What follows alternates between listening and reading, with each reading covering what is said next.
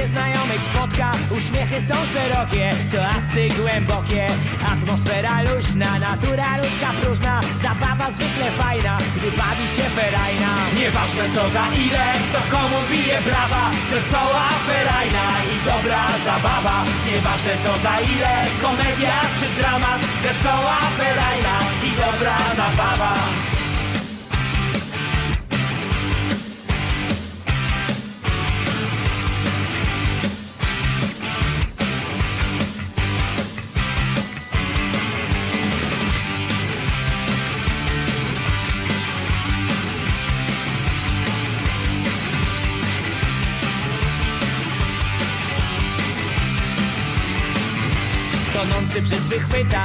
milczę, gdy ktoś pyta Co boli mnie i wkurza, a co czasem wzrusza.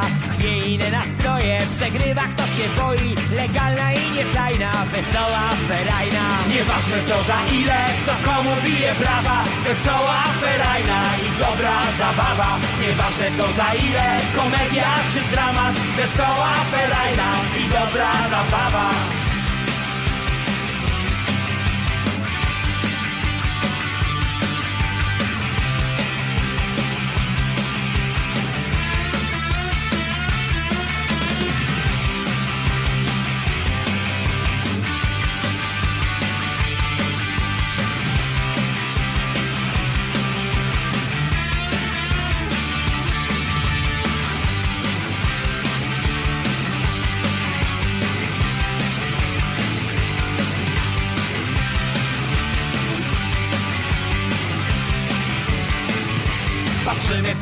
oczy, nawet w ciemnej nocy. Wzrok nam nie umyka, na widok przeciwnika. Wesoło, rezolutnie, gonimy myśli smutne. Dumna, niesprzedajna, familia i ferajna. Nieważne co za ile, kto komu bije brawa. Wesoła, ferajna i dobra zabawa. Nieważne co za ile, komedia czy dramat Wesoła, ferajna i dobra zabawa. Nieważne co za ile, kto komu bije brawa. Wesoła, ferajna i dobra zabawa. Nieważne co za ile, komedia czy dramat. Wesoła, ferajna i dobra zabawa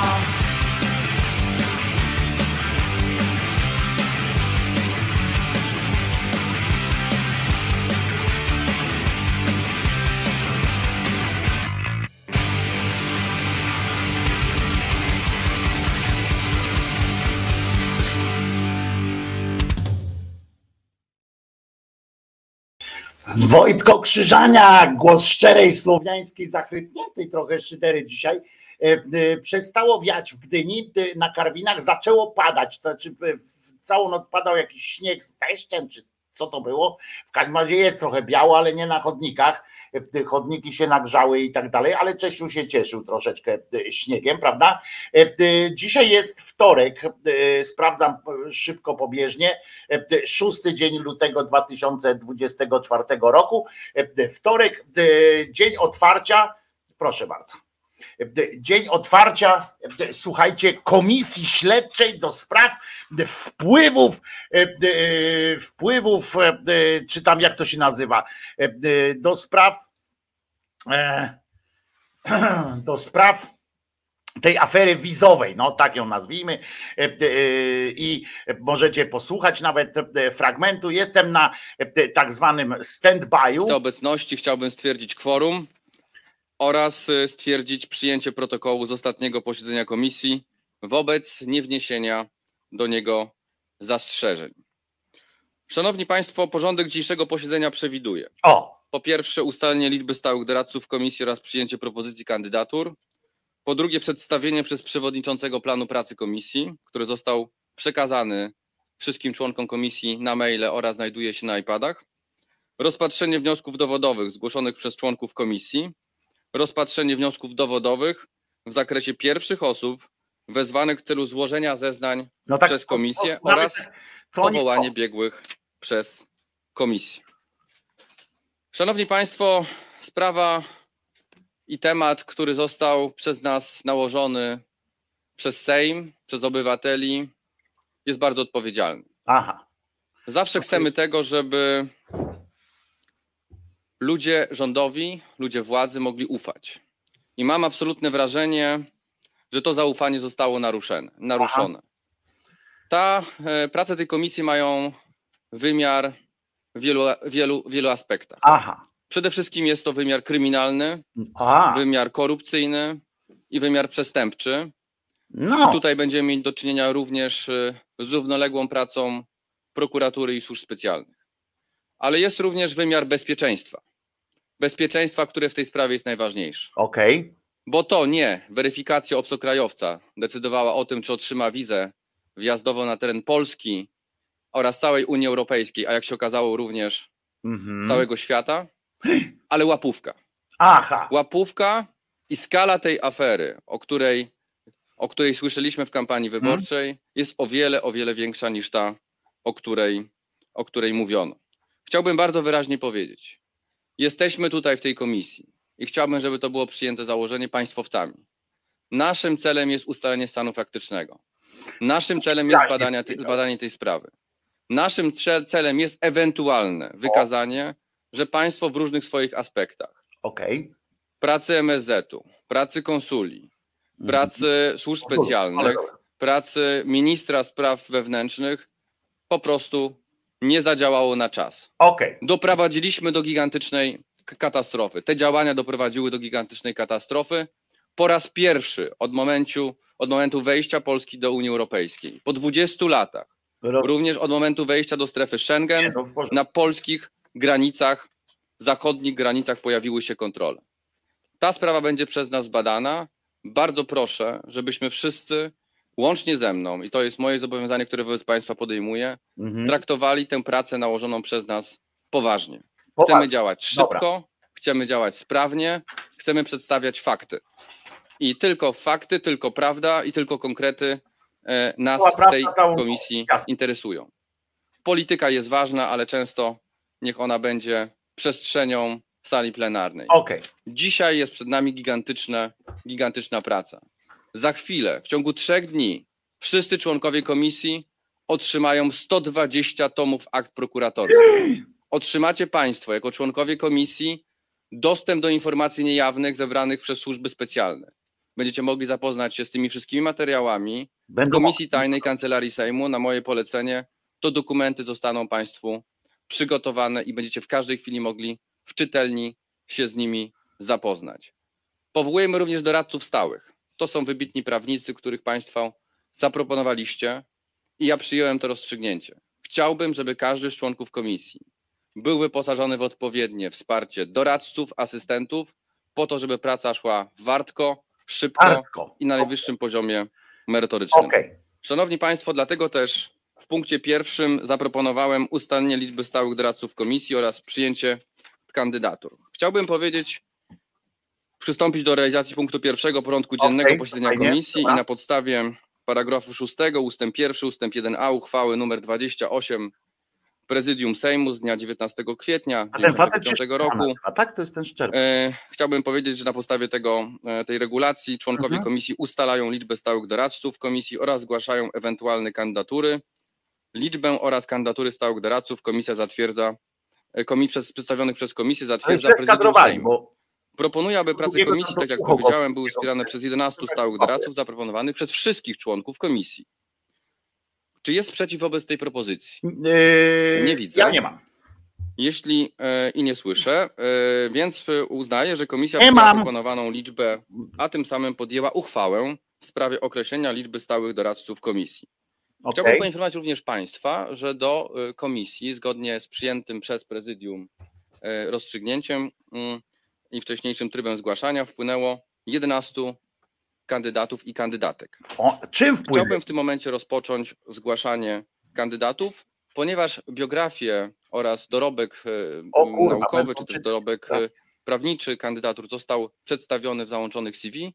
Proponuję, aby e, każdy z Państwa posłów i pań posłów przedstawił bardzo krótko zgłaszaną kandydaturę. Chciałbym niniejszym zgłosić panią mecenas e, Maritę Dybowską-Dibuła, która jest e, adwokatką, która jest e, osobą, która ma absolutnie świetne doświadczenie, jeśli chodzi o kwestie postępowań karnych e, i z pełnym, pełnym przekonaniem zgłaszam tę kandydaturę. Proszę Państwa, Dibuła to jest ten od, o przedstawienie od, kandydatur, pan poseł wiceprzewodniczący Marek Sowa.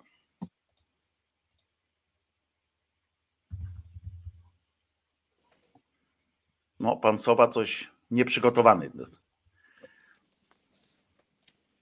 Panie, przewodni- Panie Przewodniczący, chciałbym zgłosić Panią adwokat Martę Tomkiewicz-Janoszewską, adwokatkę, mediatorkę i prawniczkę sądową y, jako swojego doradcę.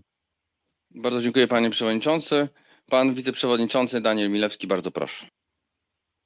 No, tu ustawiam potencjometry. Ten z lewej wciśnij. Z lewej. Jeszcze bardziej z lewej. O, ten.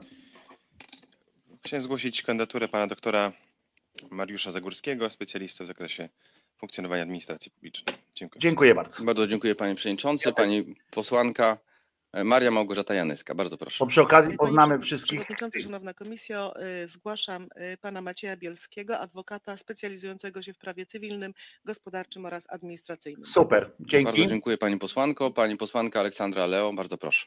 Leo, dobra. Szanowni Państwo, Panie Przewodniczący, chciałam zgłosić Panią Beatę Czechowicz, adwokatkę specjalizującą się w procesie karnym. Tak czekałem na to, kiedy będzie. Pani Czochowicz. tak. Dziękuję pani posłanko. Poproszę pana posła Mirosława Adama Orlińskiego. O, Szanowny. Panie Przewodniczący, Szanowni Państwo, ja pragnę zgłosić na doradcę prawnego pana mm, mecenasa, pana adwokata Rafała Borunia, który jest człowiekiem doświadczonym, no a zarazem bardzo ambitnym i młodym, specjalizuje się w prawie Brawo. karnym. Dziękuję. Bardzo dziękuję panie pośle. E, Pan poseł Maciej Konieczny, bardzo proszę. Też się uśmiałem. E, Dziękuję. Chciałbym zgłosić kandydaturę pani adwokat Anny Diabelipkę, która prowadzi indywidualną kancelarię. Od kilkunastu lat reprezentuje klientów e, przed sądami. Ogromnie doświadczona i również ambitna i młoda osoba i chciałbym jej kandydaturę zgłosić. O, takiej, to panie pośle, super, że potrzebujemy. młoda i ambitna. To tak. Pan poseł Krzysztof Mulawa, bardzo proszę. Panie Przewodniczący, chciałbym zgłosić kandydaturę e, Krystiana Kamińskiego, poseł na Sejm dziewiątej kadencji, członka e, stałej komisji. No i e, poza tym nazwisko ma Kamiński. To zoriento- Zorientowanego w kwestiach migracji. Dziękuję. Bardzo dziękuję panu posłowi. E, Pan poseł,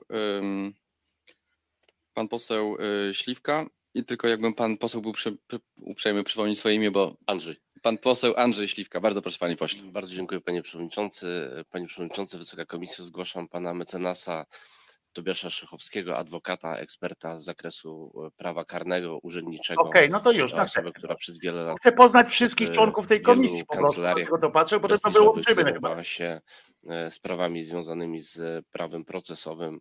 Myślę, że taka osoba o takich wybitnych kompetencjach. No dobrze, to wszyscy się ograniczyli do nazwiska, a ten będzie pierdzielił. Bardzo dziękuję panie pośle i chciałbym pana posła Zbigniewa Boguckiego poprosić o zabranie głosu. Szanowny Panie Przewodniczący, Wysoka Komisjo, ja zgłaszam Pana mecenasa Igora Frydrykiewicza, No nareszcie. od roku 1998 z olbrzymim doświadczeniem, prowadzącego niezmiennie kancelar- kancelarię, e, przez wiele lat rzecznika dyscyplinarnego Okręgowej Rady No. Adwokackiej w Szczecinie, no, z wielkimi osiągnięciami no. i wielkim doświadczeniem Niemiec, zarówno w prawie handlowym, zamówień publicznych, ale także w prawie karnym. Dziękuję bardzo. Dziękuję bardzo. Bardzo dziękuję panie pośle i pan poseł Piotr Kaleta, bardzo proszę. Ja pierdzielę Bardzo dziękuję. Szanowni Państwo. Pan mecenas Łukasz Wojtyś, y, specjalista od spraw y, karnych i gospodarczych. Myślę, że ta postać mm, bardzo przyda się w funkcjonowaniu, w pracy naszej komisji.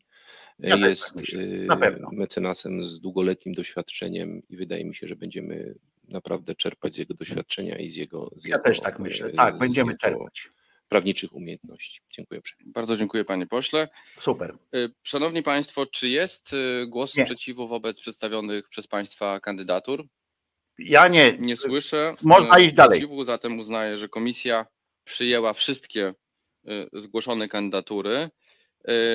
Chciałbym, żebyśmy może poddali tę kwestię pod głosowanie. Proszę Państwa posłów o zalogowanie się. Dobra, już.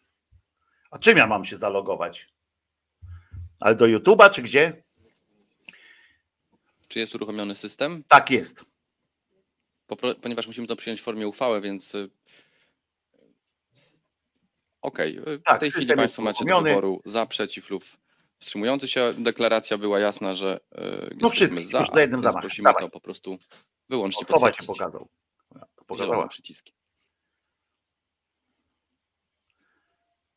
Działają przyciski?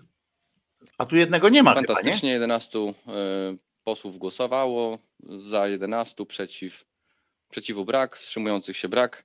Chciałbym poinformować, że y, przyjęliśmy y, kandydatury, które zaproponuję w Państwa imieniu Prezydium Sejmu w najbliższym możliwym terminie. I chciałbym powiedzieć Państwu również, żebyście Państwo byli gotowi, ponieważ jeżeli by się okazało, że Pan Marszałek Hołownia oraz Prezydium Sejmu wyrazi zgodę na te kandydatury, byśmy jeszcze zrobili krótkie techniczne posiedzenie komisji, być może Krótkie w piątek, tak, w tak, celu tylko y, jed- z jednym punktem porządku, czyli, Tak, tak. y, czyli, y, czyli powołanie Dokładnie, naszych doradców. tak. Chciałbym również powiedzieć, że uzyskałem, działałem w Państwa imieniu y, i uzyskałem analizę, biu- opinię Biura Analiz Sejmowych, że doradcy również będą mieć dostęp do akt prokuratorskich. Super! Mogli w, Państwa imieniu również No dobra, akta. e, to damy sobie na razie siana z tym, z tym, z tym czymś.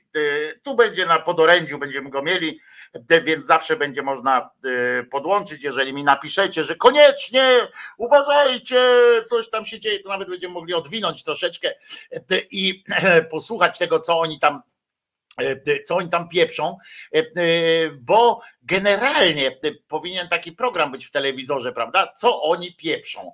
E, e, To by było dopiero, to by był e, e, dopiero jakiś format. Zamiast szkła kontakto- kontaktowego, czy tam w telewizji, czy coś takiego, można by e, e, wziąć taki program. e, Może ja zaproponuję, co? Jak myślicie? E, e, Zaproponować, zgłosić taki program do e, e, jakiejś telewizji tej e, e, nowej, naszej, którą nam podobno oddano, e, więc, e, e, bo ona jest oddana nam, więc e, chyba możemy zaproponować jakiś e, e, swój program, na przykład co oni pieprzą. I tak mm, zapraszać, zapraszać na przykład jakichś ludzi, bo taki format podaję teraz, zapraszać ludzi, taki, bo to wiecie, celebryckie, takie fajne są cykle programów i na przykład brać takie jakiś świński duecik, czy tak, żeby sobie podworować, wiecie, takie e, jakoś fajnie, na przykład ostatnio takim duecikiem, który po prostu nie schodzi z anteny czegokolwiek, e, to jest Sekielski e, i e, ten drugi, Węglarczyk. I e, oni po prostu naczelni, oni po prostu promocja ich przebiega tak, że, że nawzajem się zapraszają.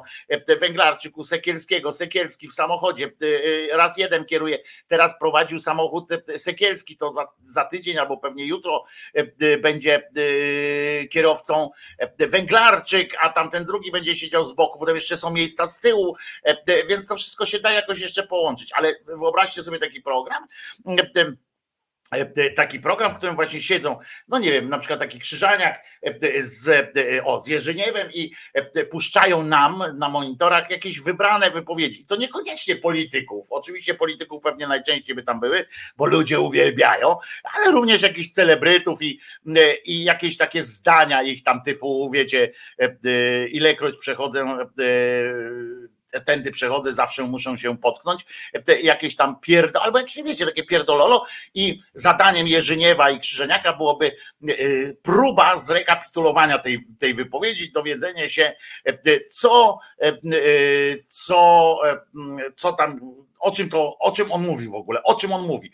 A to nie zawsze jest takie jasne i takie, takie mm, takie oczywiste. E, dało nam przykład, e, dała nam przykład pani e, Sroka, jak rozumieć mamy.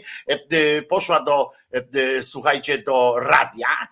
I tam pani Lubecka w Radiu Z, pani Lubecka, rozumiecie, pytają, cytując panią E, cytując panią Barbarę Nowacką, ministrę e, edukacji, e, która wypowiedziała się swego czasu, znaczy swego czasu, też wczoraj chyba to było, czy przedwczoraj, wypowiedziała się, że Generalnie ona nie ma zamiaru słuchać, on będzie rozmawiała z młodymi ludźmi, bo lepiej rozmawiać z młodymi ludźmi niż przejmować się e, e, sfrustrowanymi e, staruchami z PiSu, które przegrały wybory. O, to, tak, tak, takie coś powiedziała. Gdzieś pobrzękuje w tych wypowiedziach polityków PiSu um, taka kpina, że rozmawiamy z młodzieżą. Tak, z młodymi ludźmi trzeba rozmawiać, bo to oni będą zmieniali Polskę, bo to ich Polska będzie, a nie Polska emerytów sfrustrowanych przegranymi wyborami. No i ona to powiedziała. I teraz pani Lubecka w Radiu Z e, e, z takim pytaniem e, ruszyła do jej mości Sroki, która pojawiła się w tym radiu, przede, chyba też dlatego, że ma tam się uruchomić już tak na pełnej ta komisja, której ona przewodzi, komisji do spraw z kolei Pegasusa. I no ale tam przyszli, tam rozmawiają, rozmawiają, no i pada pytanie. E, kolejne pytanie. Jak pani ocenia wypowiedź ministra edukacji Barbary Nowackiej, że z młodzieżą trzeba rozmawiać, bo to ich Polska będzie, a nie emerytów sfrustrowanych przegranymi przez PiS wyborów? Hmm. Ciekawe.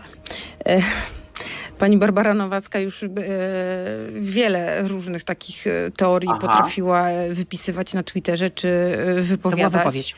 Czy wypowiadać. Ja rozumiem Aha. troskę, a może nie rozumiem, mówię to trochę z, tak ironicznie.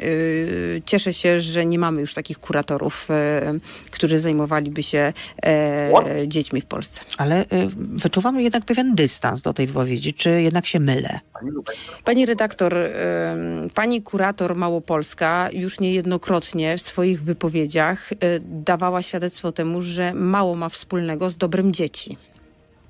Nie, ale tutaj chyba chodzi e, słuchaczowi o to, że mm, no, ale jest pewna dyskryminacja e, wobec, e, star, wobec seniorów. Ja, rozum, ja, rozumiem, natomiast e, nie wiem, czy powinniśmy w ogóle odnosić się do tych wszystkich wypowiedzi takich sfrustrowanych, bo tu chyba bardziej są sfrustrowani politycy PiSu, którzy dzisiaj uderzają czy w seniorów, wykazując troskę o dzieci. No, zdumiewająca wypowiedź, tym bardziej, że w dużej mierze lektoracy... Ale czy jest zdumiewająca wypowiedź?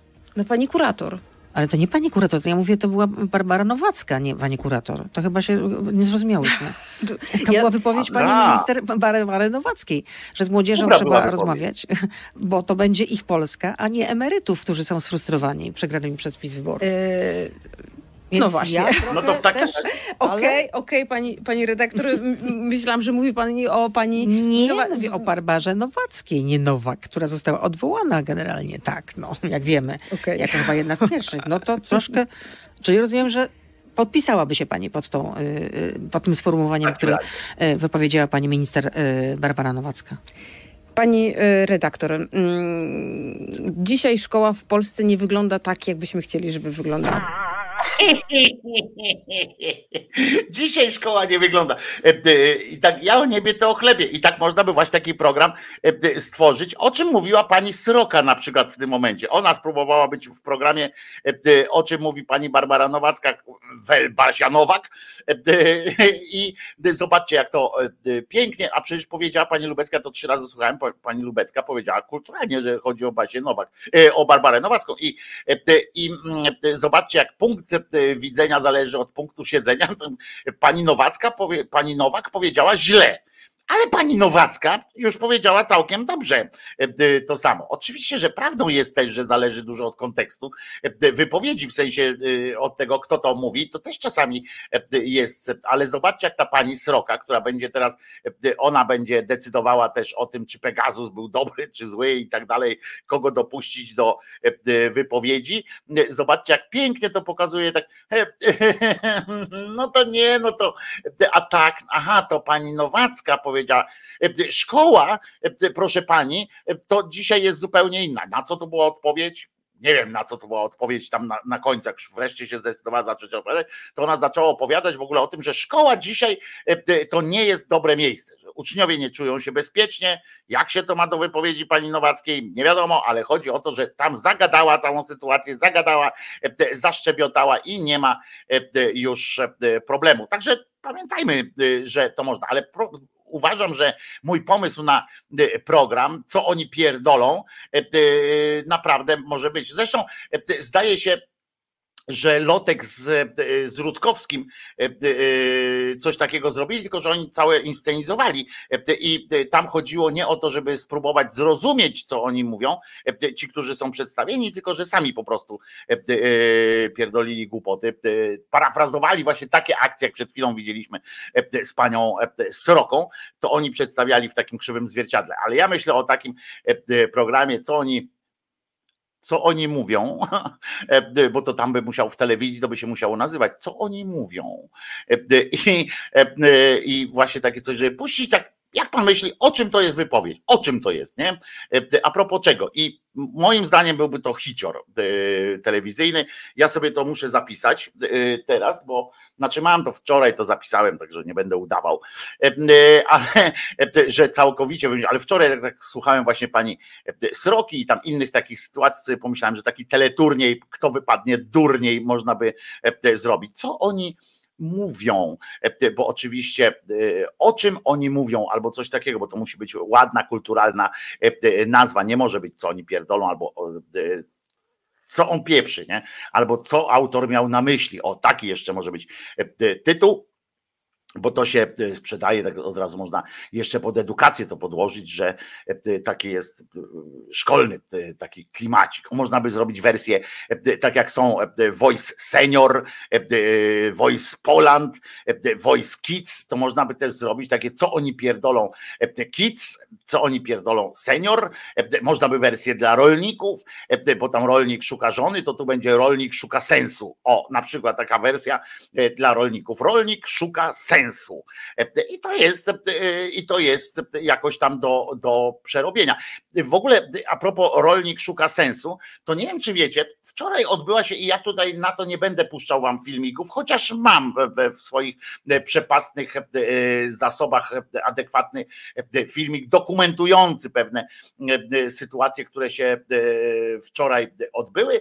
Otóż wczoraj odbyła się w Sejmie, w budynku Sejmu, debata, czy właściwie próba tam zmiany, komisja tam siedziała i próbowała zmienić ustawę o hodowli futerko, no, zwierząt na futerka, o zabijaniu, męczeniu zwierząt celem pozyskania z nich futerek. No i pani Tracz prezentowała ten projekt ustawy o zakazie hodowli zwierząt na futra co wyglądało tam, wpadł niejaki wójcik, Szczepan zresztą, Szczepan, przypomnę, pierwszy święty katolicki, czy chrześcijański nawet, bo jeszcze wtedy tak nie było takiego, wiecie, ostrego podziału, katolicy, no, ale Szczepan to pierwszy, pierwszy, zresztą nieprzypadkowe, chyba to jest imię akurat, że pierwszy święty taki był, że Szczepan, coś od szczania tam na pewno było, no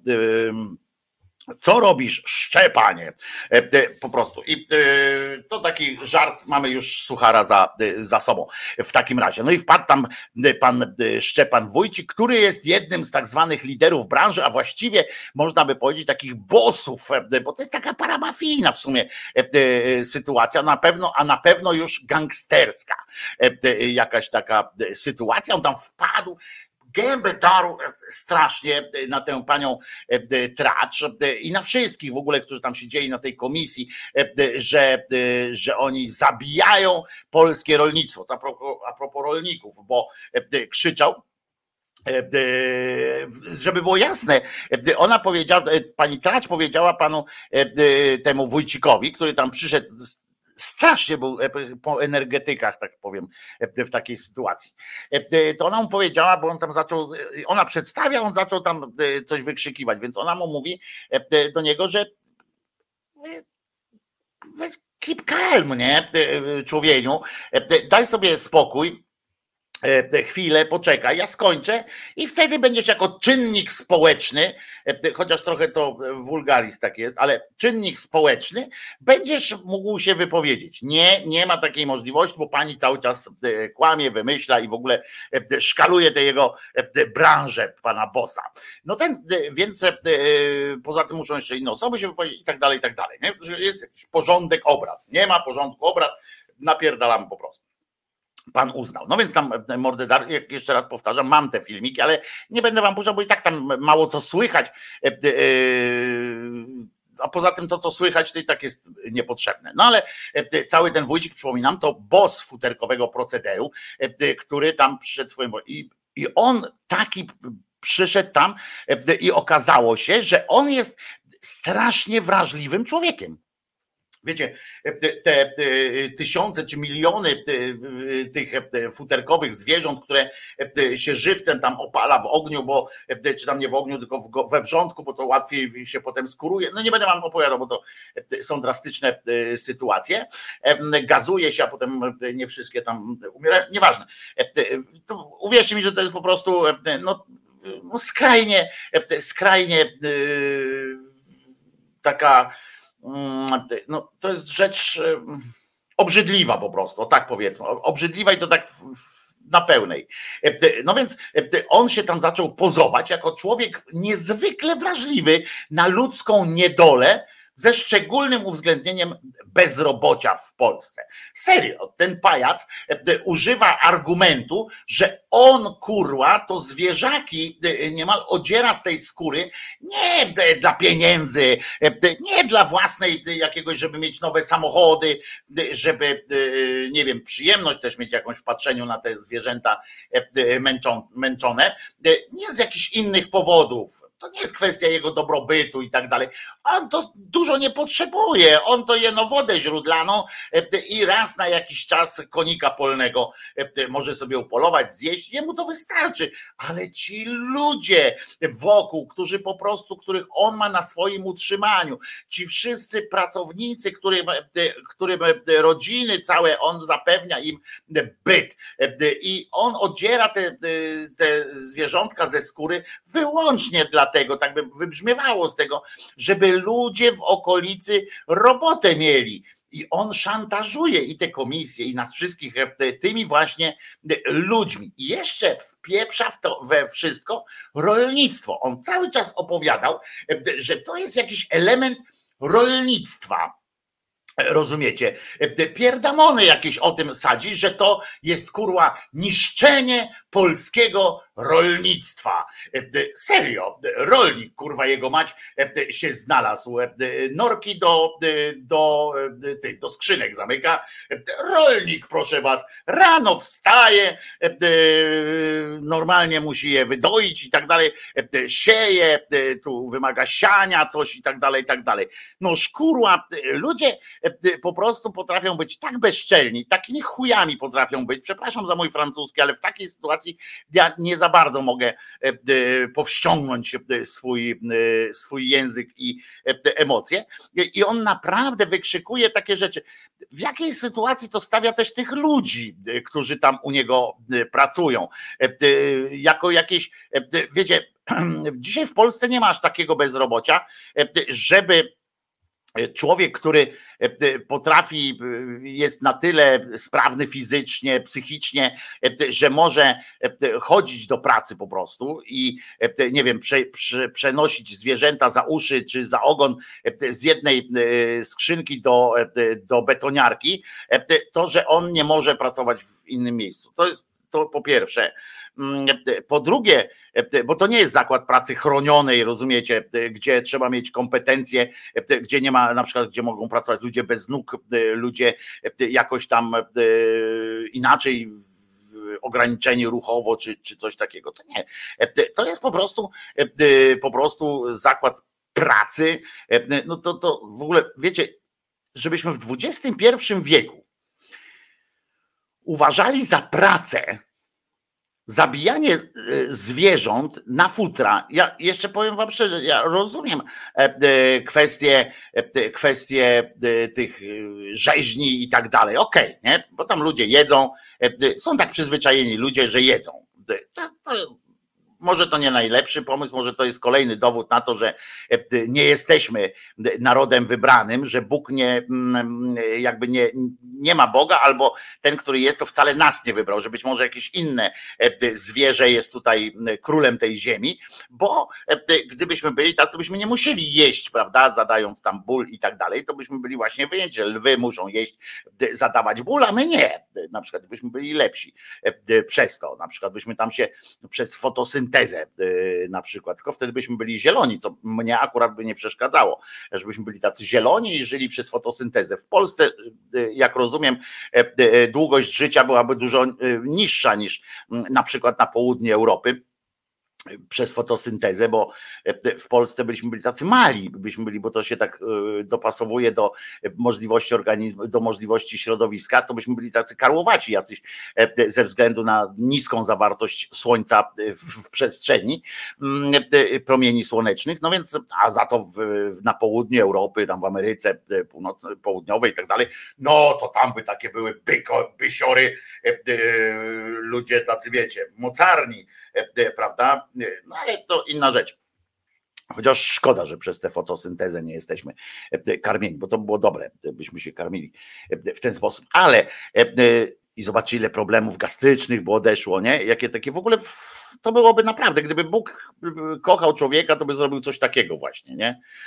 A nie, żebyśmy musieli jeść. Ale nazywać pracą w takim sensie, w takim wymiarze, że w XXI wieku, bo ja rozumiem, że kiedyś było to potrzebne, kiedyś było to mniej potrzebne, bardziej potrzebne i tak dalej. Teraz, kiedy to nie jest potrzebne, to e, nazywać to jakąś gałęzią przemysłu. Oni mówią, że jest przemysł, rozumiecie, że gałąź przemysłu, a Polska na tej, e, na tej mapie tego, tej, e, na tej gałęzi jest takim grubą, grubą gałązką wyrastającą z tej, z tej paskudnej gałęzi i przychodzi, ja przypomnę, że on się nazywa Szczep Szczepan Wójcik e, i przychodzi i opowiada takie rzeczy. Jak on stawia w świetle e, innych rolników, jak można po prostu, jak inni rolnicy mogą powiedzieć, dobra, e, to bierzemy cię na swoje sztandary, w sensie, że jesteś jednym z nas. No nie jesteś, kurwa.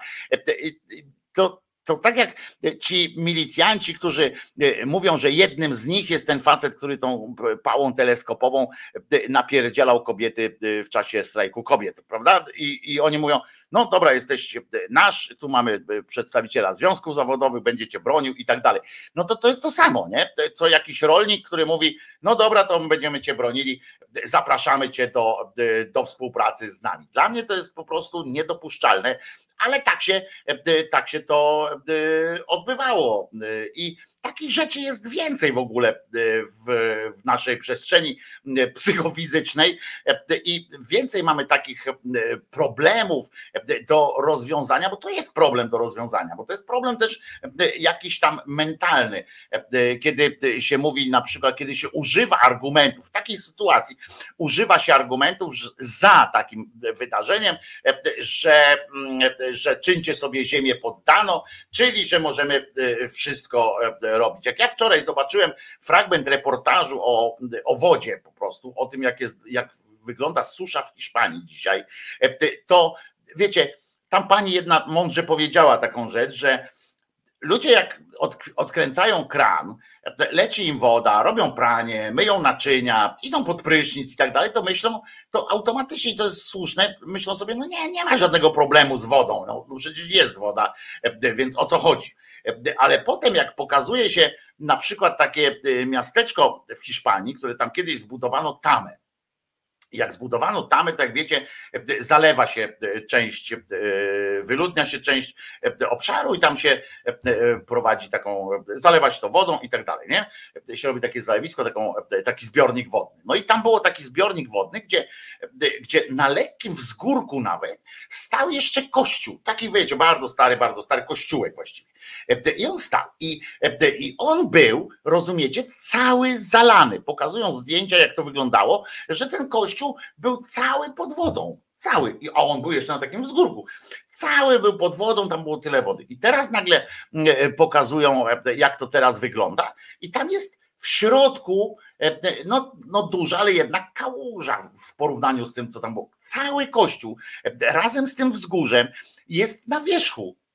Można znowu mszę odprawić, e, gdyby się komuś e, chciało. E, woda w, Amazonce ma 40 stopni i giną tamtejsze słodkowodne delfiny. Umierają, bo gotują się po prostu. Woda 40 stopni, to wyobraźcie sobie, jak jest na zewnątrz. Chile płonie, te wielkie mm, takie rzeczy.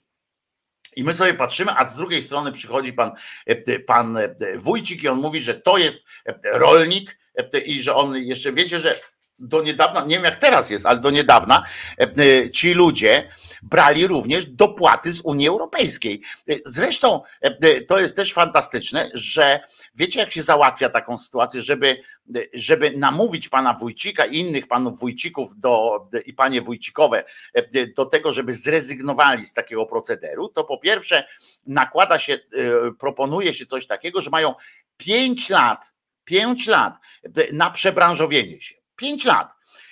Wiecie, uznajemy coś za, za niedopuszczalne. Uznajemy jakąś, że, że ktoś łamie jakąś normę i to taką, wiecie, na, na maksa, taką, która bezsporna jest, bo trudno żyć w sporze przeciwko temu, czy można w ten sposób hodować tam w klatkach po, po, po kilkadziesiąt tam mieć tych e, stworków pięknych i, e, i hodować je tylko po to, żeby je oskurować i tak dalej, i tak dalej, na skalę masową, na skalę po prostu e, taką fabryczną. I, i chyba trudno by znaleźć było kogoś, kto nie jest psychopatą i kto jednocześnie mówi, że okej, okay, że, że to jest jakaś No więc negocjuje się z takimi ludźmi nagle, że jak po pierwsze daje im się 5 lat, po drugie im się płaci za ten biznes. Im się za ten biznes e, po prostu płaci, e, daje im się jakieś wsparcie finansowe. E, oni do niedawna dostawali dotacje z Unii Europejskiej i, i tak dalej, i tak dalej. Teraz nie wiem, jak jest, być może też jest, ale dostawali normalnie tam z tych funduszy rolniczych, hodowlanych i tak dalej. To są rzeczy, które są według mnie oczywiście no niedopuszczalne tak społecznie. Czego to uczy też ludzi? Bo wiecie, że ja zawsze tak patrzę na to, co, czego to uczy zwykłych zwykłych ludzi. Czego to uczy zwykłych ludzi? Że, że jednak warto być chujem, no, że warto być gnojem, że warto nie patrzeć na, na skutki jakieś takie, mm, na cierpienie i tak dalej. No po prostu ja tego nie, nie przyjmuję do wiadomości, takiego rozwiązania sprawy. Jeżeli uznajemy coś, ja rozumiem, że jeżeli coś było, bo, bo faktem jest, teraz możemy sobie powiedzieć, tam mówić, ja mówię taki oburzony, no ale skoro jest to dopuszczalne, tak?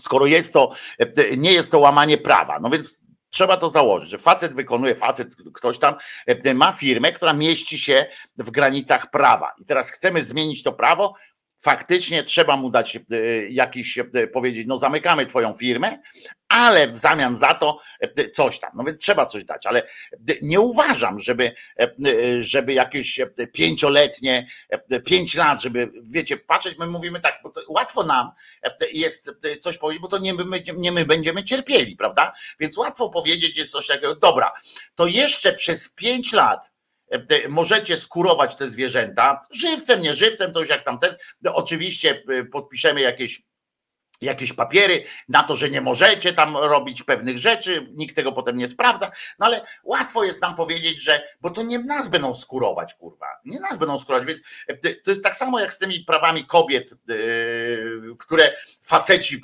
podejmują, tak, i decyzja o tym, czy będzie, czy nie będzie, będzie, czy nie będzie. I też jest takie coś, że siedzą i kobieta do niego mówi, stary, ale to nie ty będziesz potem miał problemy z tym, nie, nie, nie, to musi być kompromis, kompromis, na przykład mówią. A kobieta mówi, ale jaki kompromis? Ja się nie godzę na żaden kompromis, to jest moje zdrowie, moje życie. Nie, nie, kompromis. I, mówią to ludzie, którzy nie będą potem w żaden sposób, w żaden sposób ponosili konsekwencji takiego kompromisu. Tak samo jak tutaj jest jakiś kompromis. No jeżeli się zgodziliśmy, że to nie jest dobre, to musimy ewentualnie ponieść jakieś koszta społeczne. Typu wykupić od tych ludzi te, te, te, biznesy ich. Na przykład, że państwo podchodzi do tego, że tak, skoro robiliście zgodnie z chujowym, ale jednak zgodnie z prawem, to a my teraz nie chcemy, żebyście to robili, bo w naszym państwie prawo będzie inne, będzie bardziej pro, pro life naprawdę, albo mniej cierpienia będziemy chcieli promować, mniej, zmniejszanie cierpienia, no to faktycznie może powinno państwo przyjąć jakąś ustawę, że musi po prostu wykupić. Patrzymy, nie wiem, na roczny obrót, czy roczny tam zysk z takiego przedsięwzięcia i powiedzieć, że my płacimy wam, nie wiem, potrójny zysk roczny, czyli tak jakby trzy lata biznesu byście prowadzili, płacimy wam za to plus cena tam ziemi i tak dalej jeżeli e, chcecie e, sprzedać całość, jeżeli chcecie się prze, e, tam przerobić na jakąś inną działalność, no to tylko płacimy wam te. To. Trudno, trzeba czasami ponieść takie koszta takiej, takiej zmiany, ale nie może to być koszt tych, tych zwierząt na przykład, albo tych ludzi. No wyobraźcie sobie, jakby to samo miało zabrzmieć w kontekście właśnie ludzi, prawda? Że ktoś wyda jakiś zakaz męczenia dzieci. No wiemy, że to jest akurat, no istnieje tak, takie coś, że to nie jest zgodne z prawem, ale ktoś takie coś wytwarza, po czym, po czym mówi, no ale jeszcze przez trzy lata możecie je napierdalać. No nie, albo te prawa, na przykład konwencja stambulska, czy, czy coś takiego wchodzi w Polsce, czy tam przemocy domowej e, e, i tak dalej. Mówi, no ale e, to w związku z wieloletnią tradycją takiego zachowania w Polsce, że chłop babę bije, bo inaczej to jej wątroba gnije, czy coś takiego, to w trosce o, ten, o zachowanie tradycji jeszcze przez najbliższe pięć lat będzie to dopuszczalne. Nie? Albo z kolei ta rzecz, kiedy pamiętamy, jak tam weszło to prawo, że nie wolno dzieci bić, nie? I ktoś by wtedy powiedział, no tak, ale jeszcze jest okres przejściowy, kiedy wolno te dzieci bić, ale tylko jedną ręką na przykład, prawda? No to to jest to są absurdy y, takich rzeczy. Wszędzie nam to łatwo przychodzi, gdzie to nie jest nasze cierpienie, gdzie to nie są nasze, gdzie nie my będziemy brali odpowiedzialność za to, prawda? To, to łatwo nam przychodzi wtedy takie budowanie okresów przejściowych albo jakiś tam chwil na zastanowienie, czy coś takiego. Nie? To, to, to dla mnie to jest jakieś głupie. Albo, albo, albo decydujemy się, że te, w tym przypadku te zwierzęta zwierzęta futerkowe. No, że nie godzi się po prostu takiej rzeczy robić, albo i wtedy płacimy za to, no bo faktem jest, że ci ludzie robili to zgodnie z prawem, może nie zgodnie z, z naszym poczuciem przyzwoitości i tak dalej, ale trudno, no to jest ich, robili, było to zgodne z prawem, więc oni to robili dobrze, zgodnie z prawem, część z nich pewnie jeszcze na dodatek w poczuciu jakiejś tam w ogóle bez poczucia y, krzywdy, że się coś dzieje, nie? Złego, bo po prostu tak byli wychowani i dobrze. E, I, im tak, wiecie, tak, tak się żyło po prostu. Mm, y, I ale musimy wtedy wziąć za to odpowiedzialność, zapłacić i koniec. I nie ma, że tradycja jakaś, rozumiecie? Jaka tradycja?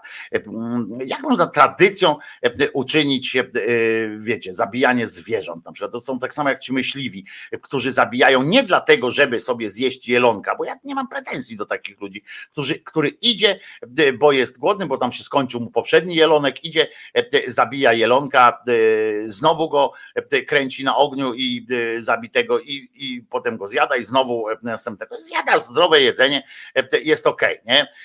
Ale nie, nie, że idzie pokot potem robi, kurwa patrzy, dzieci tam zabiera na to swoje polowanie, mówi zobacz, zobacz przez lunetkę, zobacz jak ten jelonek wygląda, bo później go zobaczy nas. Tylko nie strzelaj w główkę, bo będzie źle wyglądał na ścianie u ciebie w pokoju, nie? Piotrusiu. I, i, i ktoś to tłumaczy, że to, że to jakaś tam pieprzona tradycja. No, no nie jest tak po prostu. I trzeba, trzeba na to reagować zgodnie z tym, z naszym poczuciem takiej przyzwoitości, ale też brać pod, pod uwagę konsekwencje dla, dla, dla nas i dla innych ludzi, bo ja, ja zawsze to samo powtarzam, że takie prawo powinno też uczyć czegoś, czy przekonywać do czegoś, czy dawać e, jakiś przykład, nasze zachowanie względem innych, jak się traktuje e, na przykład zdrajcę. E, zdrajca powinien być ukarany nie? zdrajca, czy, y, czy ktoś powinien być ukarany, taki, który czyni y, społeczne krzywdy.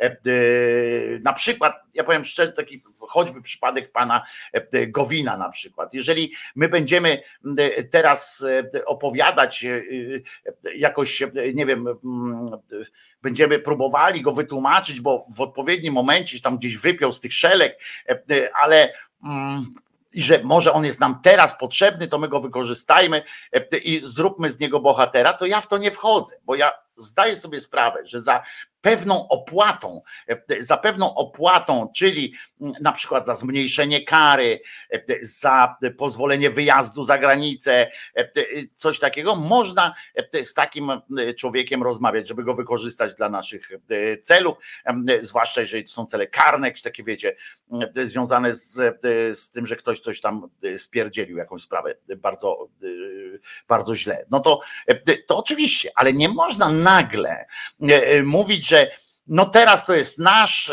to właściwie odczepcie się od, od Gowina. To ja, ja nigdy nie zapomnę Michnikowi, tych jego stu, słów odczep się od generała, albo że, że Michnik to przyzwoity, że Kiszczak to przyzwoity człowiek i tak dalej. No nie, ja tego nigdy nie zapomnę Michnikowi i wiem, że poza wieloma rzeczami, które Michnik i tam jego ekipa zrobili dobrze dla, dla Polski, to to akurat był no, krańcowo, przykład krańcowego, krańcowej nieodpowiedzialności, który doprowadza do, potem do takiej właśnie, do takiego mm, e, e, do takiej beztroski etycznej w pewnym momencie, że wszystko może być, może być jakby wszystko może być podważone, nad wszystkim się trzeba zastanawiać, że nie ma jakichś takich wymiernych, takich prostych e, odpowiedzi e, na w sumie proste przecież,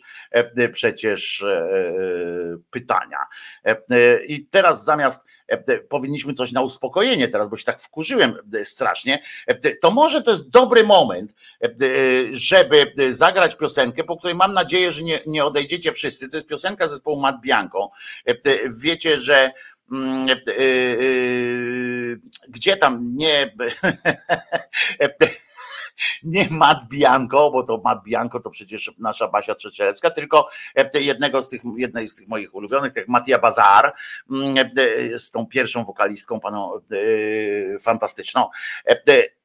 I tylko to nie jest ta żwawa piosenka, tylko tutaj to Albin, Albin zamówił tę piosenkę, znaczy poprosił o tę piosenkę i to poprosił o nią, e, niby bez powodu, e, znaczy bez bezpośredniej takiej przyczyny, e, ale poprosił ją dla swojej małżowiny Joasi i coś czuje, że tam nie jest, że to nie jest całkowicie bez powodu, tylko że za tym jednak kryją się jakieś uczucia. Tak podejrzewam, że Albin taki miał pomysł.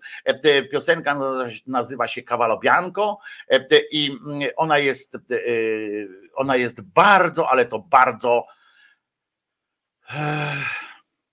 molowa, że tak powiem, i, i, i taka wolna, i taka mm, artystyczna nieco, więc wytrzymajcie oczywiście ci, którzy wolą skoczne rytmy, wytrzymajcie. E, bo, bo, bo Krzyżaniak wraca po piosence, a e, Albin oczywiście widzisz, widzisz co ja robię e, dla krzewienia miłości i dlatego, żeby wasza miłość rozkwitała z Jasią. Nawet godzę się na takie rzeczy. O tej porze się takich piosenek nie puszcza. To jest piosenka na wieczór, na późny wieczór, albo przynajmniej na jakąś bardzo intymną sytuację. A zatem Kawalo Bianco, Mattia Bazar, początku lat 70. chyba.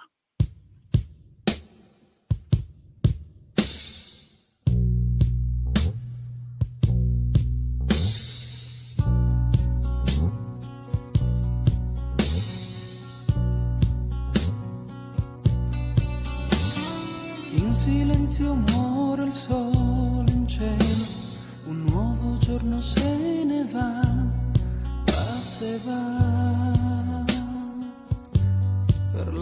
sua strada. Un cavallo bianco come un velo, via da qui ci porterà, ci insegnerà la nuova strada.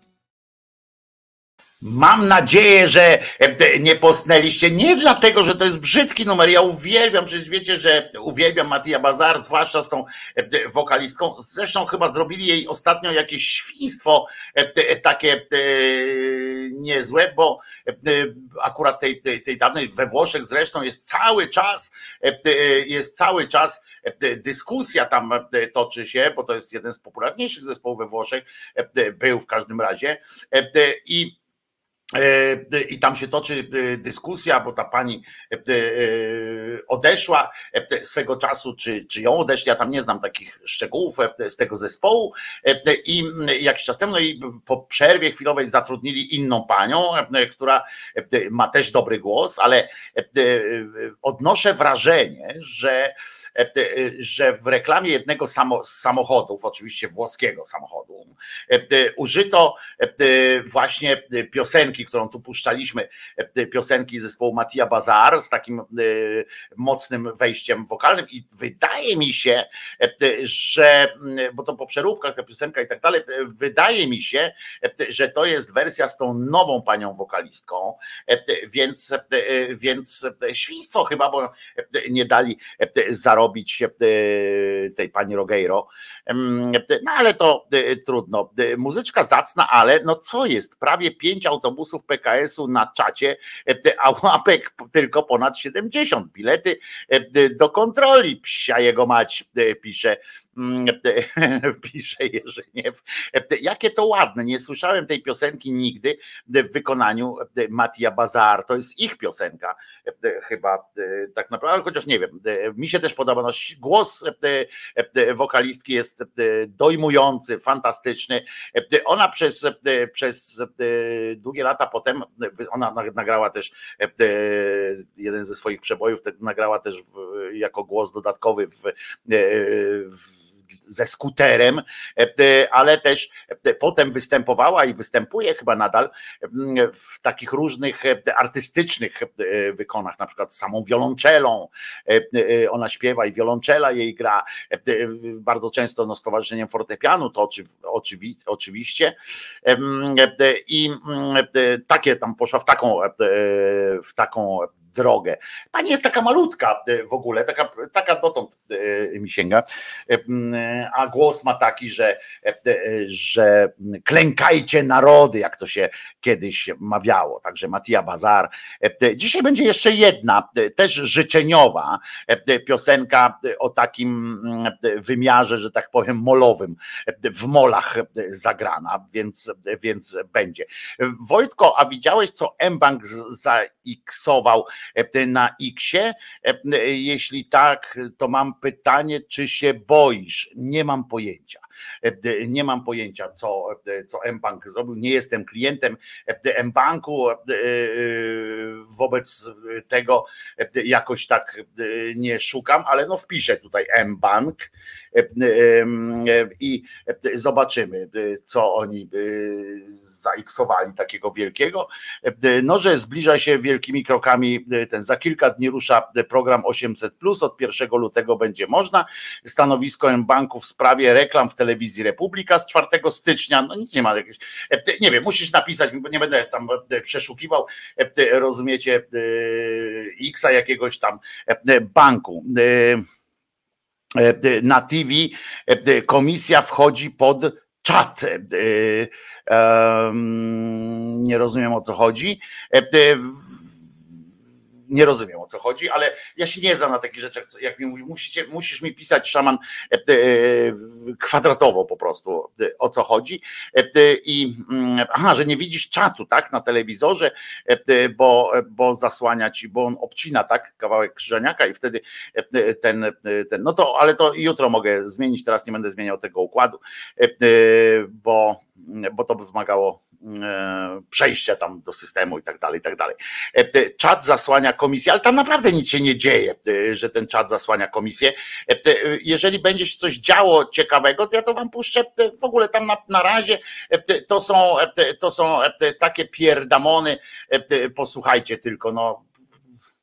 Gdzie jest kwestia oceny legislacji i również procedury przygotowania i, i, i oceny działań związanych z już wdrożonymi ustawami.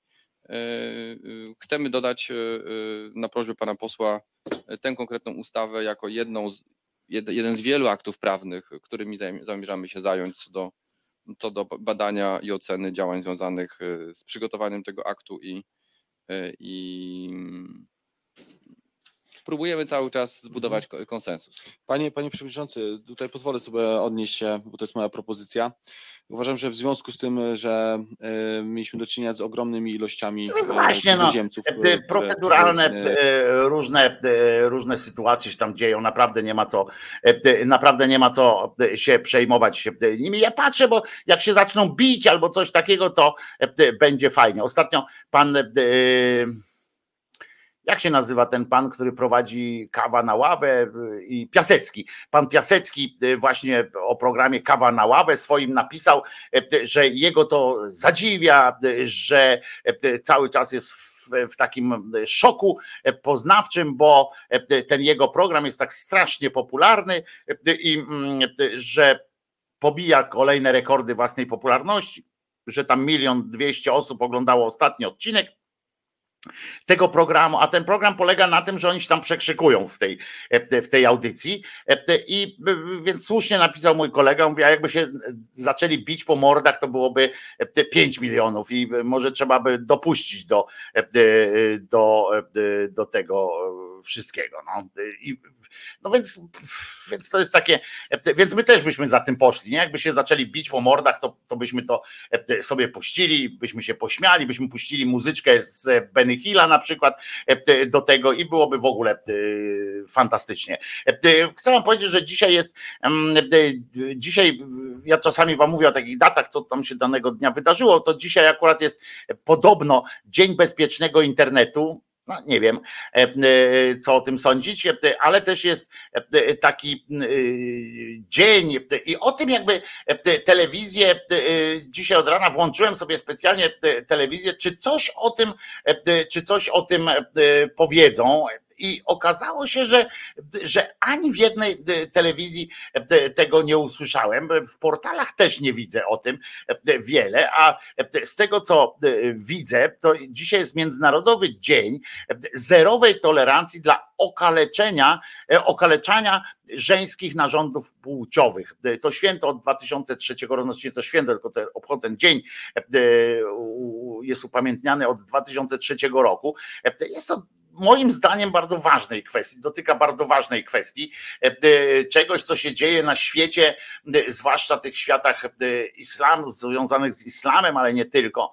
Mm, się dzieje w Afryce, to są całe, całe, no też jest tradycja, tradycja, tradycja i, mm, i to nie jest nic fajnego, ale jako, że to nie dotyka facetów, to chyba jakoś nie, nie wiem, kobiety nie potrafią się z tym przebić, z takimi życzeniem. Celem obchodów, bo nie wiem dlaczego to się nazywa obchody, no ale dobra, celem obchodów jest podniesienie świadomości na temat brutalnego, zagrażającemu zdrowiu i życiu rytuału obrzezania kobiet, funkcjonującego głównie w państwach Afryki, zwrócenie uwagi na potrzebę wspierania podmiotów społeczeństwa obywatelskiego, a w szczególności organizacji kobiet pracujących w obrębie swoich społeczności na rzecz położenia kresu przemocy wobec kobiet i podjęcie zdecydowanych działań w celu zwalczania tej nielegalnej, bo ona jest uznana przez międzynarodowe, przez międzynarodową społeczność jako tortura praktyki. Szacuje się, że około 40 milionów dziewczynek i kobiet, a ponad 3 miliony dziewcząt każdego roku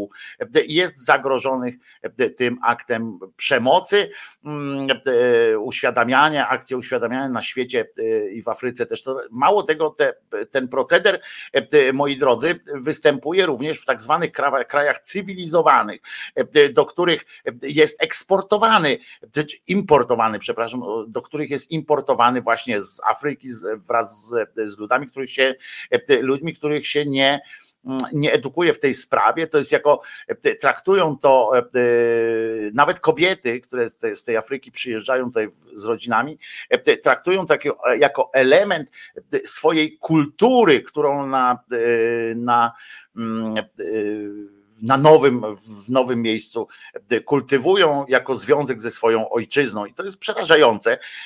To jest straszne, ale nasze media zagotowały się innym fragmentem dzisiejszej tworzącej się historii. Otóż Karol, rozumiecie, król Karol kupił królowej Karolinie korale koloru koralowego i król Karol okazało się, że ma raka. Chodzi o prostatę, że ma raka no i, e, i o ile ja rozumiem, że to tam gdzieś w Wielkiej Brytanii zrobiło jakieś wrażenie, od rana dzisiaj, od rana dzisiaj napindalają o tym, o tym e, e, fantastycznie. Alicja pisze, ciekawe, że obrzezanie mężczyzn jest zabiegiem higienicznym, obrzezanie kobiet okalecza je na całe życie. To nie jest ciekawe, to jest po prostu, no takie są nasze, no to jest kwestia no u, u, facetów jest naprawdę to jest zabieg higieniczny, tak? Pomagający tam e, w higienie. Przeczytajcie sobie książkę Kwiat Pustyni. Ola Ola pisze, pisze tak, e, bardzo ważna to jest e, książka, która naj, w taki najprostszy, naj, naj, najdostępniejszy sposób też przedstawia mm, tę sytuację, a poza tym można też obejrzeć film Kwiat Pustyni mm, tak, obejrzyjcie sobie. Raz widziałem, jak kobiety chyba w Japonii obwiązują ciasno stopy, y, by były takie malutkie, zniekształcone. E, Alpin pisze, tak, to jest też tradycja e, się związuje, żeby nie rosły y, i, i takie rzeczy y, są. E, Jasza pisze, jakiekolwiek obrzezanie jest okaleczeniem. Nie, akurat w przypadku mężczyzn to jest naprawdę Mm, e, e, dobre. Mm, e, kobietom wycinają część, która cieszy, chyba dlatego to okaleczenie. To nie która cieszy, tylko która daje w ogóle jakiekolwiek poczucie, szansę poczucia satysfakcji ze współżycia seksualnego. To jest zresztą częściowo właśnie tym motywowane, żeby kobieta nie miała przyjemności, żeby kobiecie seks nie, nie łączył się nijak w żadną synapsę, e, nie kojarzył się z e, przyjemnością. To jest, e, to jest taka sytuacja. Mm, to nie jest żadne dobre, Wojtek, pisze Jacek Betkowski o obrzezaniu u mężczyzn. No, być może, może masz e, takie e, zdanie, ale jest to zabieg higieniczny, który wykonuje się e, również u dorosłych mężczyzn jako higieniczny. W każdym razie nie przeszkadza ten zabieg u mężczyzn, jeżeli możemy się tak zgodzić, nie przeszkadza w żadną miarą w odczuwaniu satysfakcji seksualnej.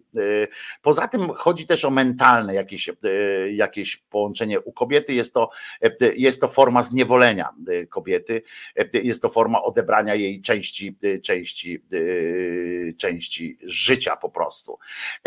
I, no i tak to, tak to warto, warto o tym powiedzieć. Nie, Jacku, nie zgodzę się z tobą, że to było tylko wtedy, jak, jak nie było wody. Nie zgodzę się z tobą, po prostu jest, jest higieniczniejsze, ale to, to, to jest akurat, widzisz, obrzezanie u mężczyzn jest kwestią wyboru jest kwestią wyboru i mało tego, e, nawet jeżeli e, rytualnie się to robi e, u chłopców na przykład u, w państwach u Żydów, to nie powoduje to potem żadnej. Ja też uważam, że głupie jest takie coś, żeby w ogóle zmuszać do czegoś człowieka, ale to przynajmniej nie okalecza faceta, nie odejmuje, nie odejmuje facetowi E, e, jakby zdolności do odczuwania przyjemności, satysfakcji seksualnej i tak dalej. E, czy pewny jestem? Pyta Jasza. Nie, ja sam nie jestem obrzezany, jeżeli o to chodzi.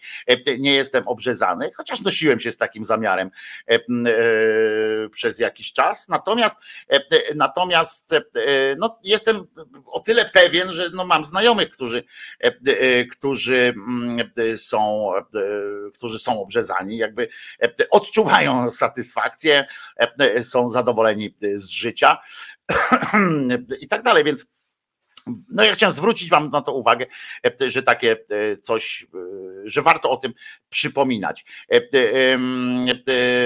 Jacek twierdzi, że nie zabiera całkiem, ale odejmuje przyjemność, jak rozumiem, jak rozumiem, wiesz to z pierwszej ręki, w tym sensie, że uprawiałeś seks przed i po i wiesz, że to odbiera przyjemność. No więc dobrze, twoja sprawa,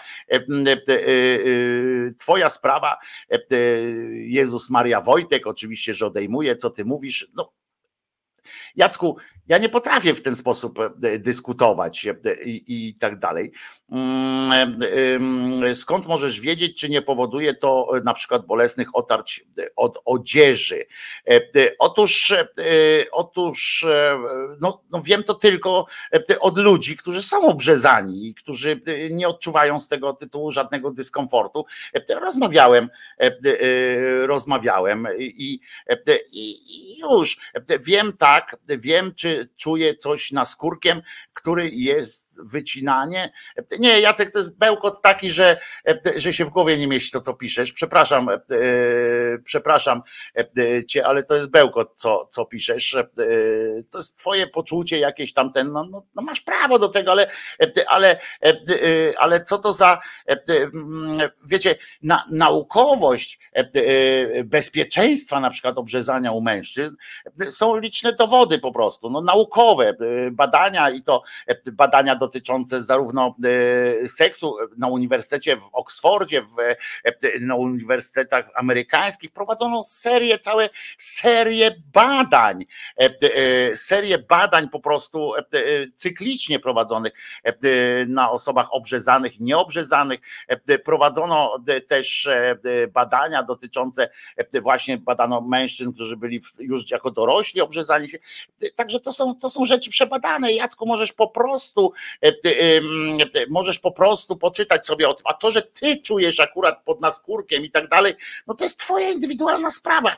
E, wiesz, najgorzej to się bierze coś takiego, z takich rzeczy rodzą się totalitaryzmy. Z takiego właśnie podchodzenia do świata biorą się totalitaryzmy.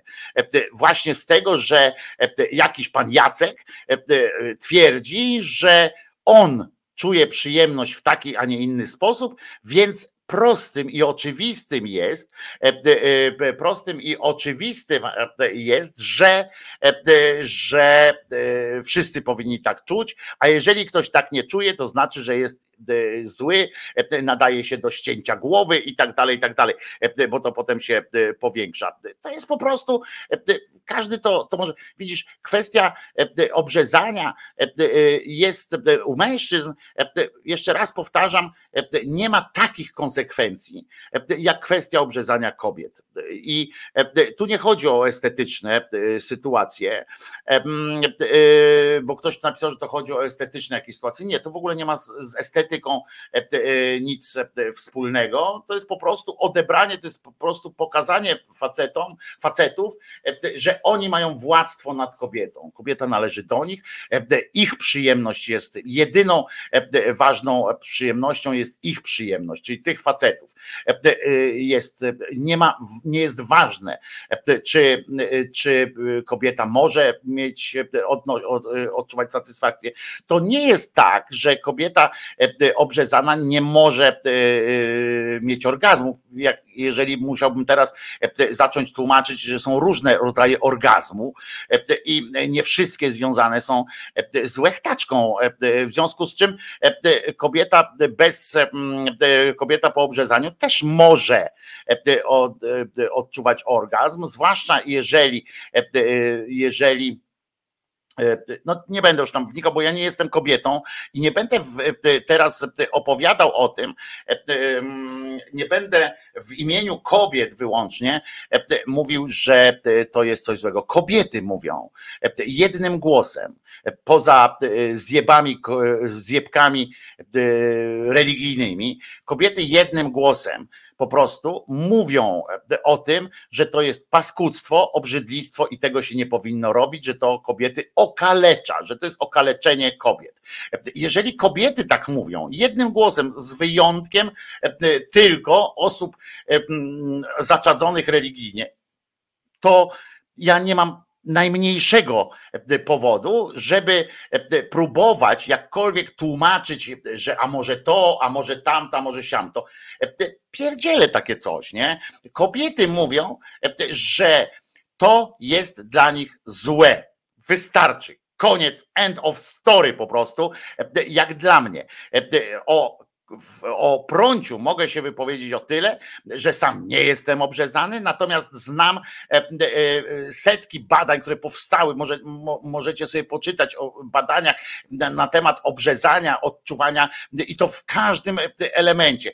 I w elemencie medycznym, i w elemencie higienicznym, i w elemencie właśnie e, współżycia seksualnego. Takie badania są prowadzone na całym świecie w trybie ciągłym. To jest takie jedno z takich badań, które na przykład na, na Wydziale Pedagogiki, na przykład, na Wydziale Nauk Społecznych, ale na kierunku pedagogika, najpopularniejszym za moich czasów było, była taka praca, która i najwięcej w archiwum Uniwersytetu każdego chyba, z lat przynajmniej 90., początku 2000 lat, to są takie prace, wpływ alkoholizmu rodziców na sukcesy szkolne, czy tam na powodzenie szkolne uczniów i tak dalej.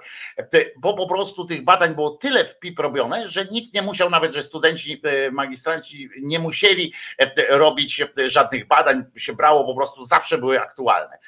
Tak samo jest, jeśli chodzi o, o kwestie obrzezania, kwestie właśnie seksualności i tak dalej. Tego jest wpyte, prawie w czasie bieżącym można, podejrzewam to gdzieś znaleźć, na którymś z uniwersytetów można znaleźć, to jest i efektowne i daje się Może teraz osłabły ten zapach, bo bo to już tak zostało e, udokumentowane, tak zostało zbadane, że już nie ma powodu, żeby e, ciągnąć tak e, ciągle te badania, się powtarza pewnie rzadziej, ale, ale są te badania i tak dalej. W związku z czym u facetów, poza tym z facetami o tym rozmawiam, trudno w Polsce znaleźć jest e, materiał badawczy, brzydko powiedziawszy, do, e, do kwestii obrzezanych kobiet, prawda? Bo w Polsce nie ma całe szczęście tego zwyczaju, e, nie jest on, on jest karalny w ogóle, w Polsce jest karalna taka, taki proceder, jest to akt przemocy, w związku z czym w Polsce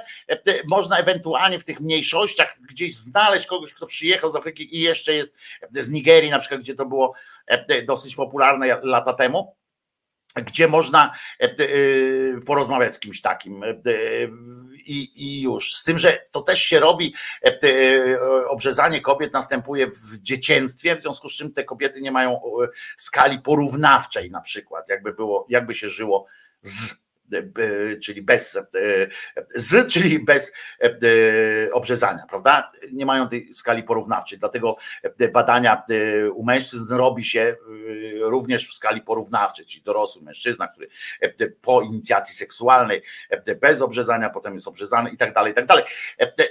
I takie rzeczy się robi. I ja jeszcze raz powtórzę, najważniejsze, co chcę powiedzieć, że nie podlega dyskusji nie podlega dyskusji ze mną coś takiego, że jeżeli kobiety stwierdzają ponad w ogóle ponad jakimikolwiek podziałami, z wyłączeniem e, pewnej zjebczej grupy kobiet e, zaczadzonych e, jakąś tam religijną tradycją i poza tą wąską, naprawdę coraz węższą, całe szczęście grupą, kobiety twierdzą, że to jest coś złego, coś strasznego, to ja nie mam najmniejszej ochoty, ani no, prawa to w ogóle nie mam, ale, ale ochoty nie mam również podważać tej, tej tezy i zastanawiać się w ogóle nad tym, a może nie mają racji bo to jest ich zdrowie, ich ciało i, i, ich szacunek do samych siebie. Koniec. Na tym jest w tym momencie jest koniec tego, tego tematu. O, o facetach mogę się wypowiadać o tyle,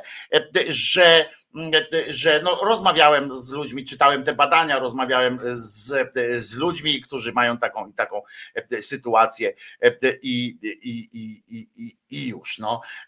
Po prostu taka to jest e, sytuacja. I nikt nikogo tu, żadnego faceta nie zmusza do takich sytuacji. Chcesz, to się obrzezaj, nie chcesz, to się e, nie obrzezaj i, i tak dalej. Nie? To, to jest w ogóle inna sytuacja. Zupełnie inna sytuacja. Tam jest opresja, tu jest, za, tu jest zabieg. Ja też powiem więcej, nie zgadzam się gdzieś tam na poziomie mm, takiej takiej zwykłej przyzwoitości, nie, nie, nie ma we mnie takiej zgody na ten rytuał obrzezania, który jest wśród, wśród wielu grup etnicznych, obrzezania mężczyzn w dzieciństwie. Nie ma mojej zgody na to gdzieś tam. Ja bym się na takie coś nie zgodził, ale to tak samo jak, jak jest chrzest na przykład, tylko że to akurat dotyka ciała. No, ja też bym się na to nie zgodził, żeby ktoś, żeby jakiemuś dziecku zrobić. Tego się nie da są zabiegi dzisiaj, są zabiegi e, estetyczne, tak zwane, które przywracają napletek. Tak, są takie, bada- są takie e, zabiegi, można sobie zamówić, rozumiecie, nowy napletek. No ale to oczywiście z, z przyczyn oczywistych e, szanse na to mają tylko e, zamożni ludzie, to nie jest nigdzie refundowane, chyba w żadnym kraju nie jest to refundowane, e, e, w związku z czym to jest po prostu dział, dział medycyny estetycznej. I, i, i można to zrobić, ale zmuszanie dziecka, obojętnie jakiej płci, do dokonywania wyborów, wy, dokonywanie wyborów za nich w takich sprawach, które nie wiążą się z ratowaniem im życia, e, bo e, oczywiście nikt nie będzie pytał e, dziecka, czy, czy, czy mu wyciąć wyrostek, jak, jak ma 5 lat, a właśnie ma wyrostek do wycięcia, to nikt nie będzie go pytał, prawda? Natomiast, no, czy go obrzezać, no to, to moim zdaniem oczywiście to jest zjebstwo religijne, e, które, które nie, które nie które nie powinno mieć miejsca, prawda? E, ale nie mówimy o tym e, w takiej skali cierpienia, jakie, jakie zadane jest kobietom. A dzisiaj poza tym mówię o tym dlatego, że dzisiaj jest Międzynarodowy Dzień zerowej tolerancji dla okaleczania żeńskich narządów e, płciowych. Więc oczywiście faceci musieli e, się odezwać, a my też, a my też, a my też. No i, no, i, no i co z tego, że wy też, nie? No i co z tego, że wy też? Dajcie, e, kurwa, wybrzmieć przynajmniej raz coś, co jest, co co, do, co kobietom się. No, no dajcie raz wybrzmieć temu. Po cholerę jeden z drugim podnosi łapę i wkłada ją do, e, do budki. A ja też, a ja też, weź mnie, weź mnie. Dzisiaj, no może kurwa, po prostu skupcie się na, e, skupcie się na, e, na, na innych, a nie tylko ciągle na sobie. No, taką mam, taką mam myśl.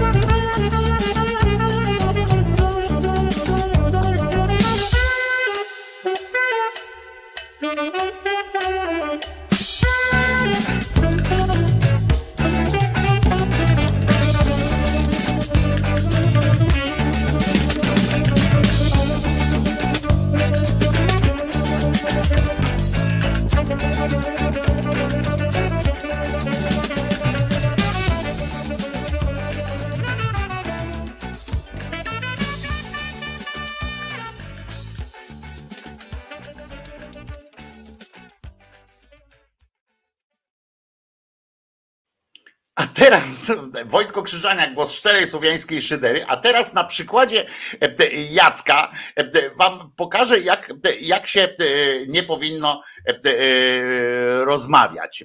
Otóż Jacek stawia tezę, proszę was, w pewnym momencie, stawia tezę taką, że w Izraelu, słuchajcie, wam to powiem, w Izraelu nie ma gadki. Każdy młody ma mieć ucięte i tyle. Na co oczywiście ja reaguję, Jacek, a kiedy byłeś ostatnio w Izraelu? No w 2020. I kazali ci coś uciąć? No ale to jak? To mówisz, że mówisz, że to jest głupie, głupi zwyczaj, a, a, a teraz twierdzisz, że, że się Żydzi nie, nie obrzezają? Co to ma wspólnego jedno z drugim? Ja twierdzę, Jacku, że nie ma w Izraelu obowiązku obrzezania. To jest czynność religijna. Jest konkretny dzień, kiedy to się realizuje. Można zlecić, można nie zlecać obrzezania. Nie ma czegoś takiego, że w Izraelu na checkpointach trzeba wyciągać fujarę i pokazywać, że, że jesteś prawilnym Żydem. Co to ma do rzeczy? Stawiasz idiotyczną tezę po prostu, że w, w, w Żydzie, Żydzi muszą się obrzezać, że nie ma pytań. Są, są, nie ma obowiązku obrzezania się w Izraelu. I i do tego piję. A to, czy ja uważam, że ten zwyczaj jest głupi, ja uważam, że każdy religijny zwyczaj, przymuszanie każdego e, e, do realizacji jakiejś religijnej, e, czy jakiejś tradycji na przykład, bo nawet nie musi być to religijne, tylko tradycyjne, to jest głupie oczywiście. Jeżeli w tych rodzinach, tak jak u nas na przykład jest zwyczaj chrzczenia, i też można powiedzieć, e, nie tylko chrzczenia wina albo wódki, tylko chrzczenia e, dzieci.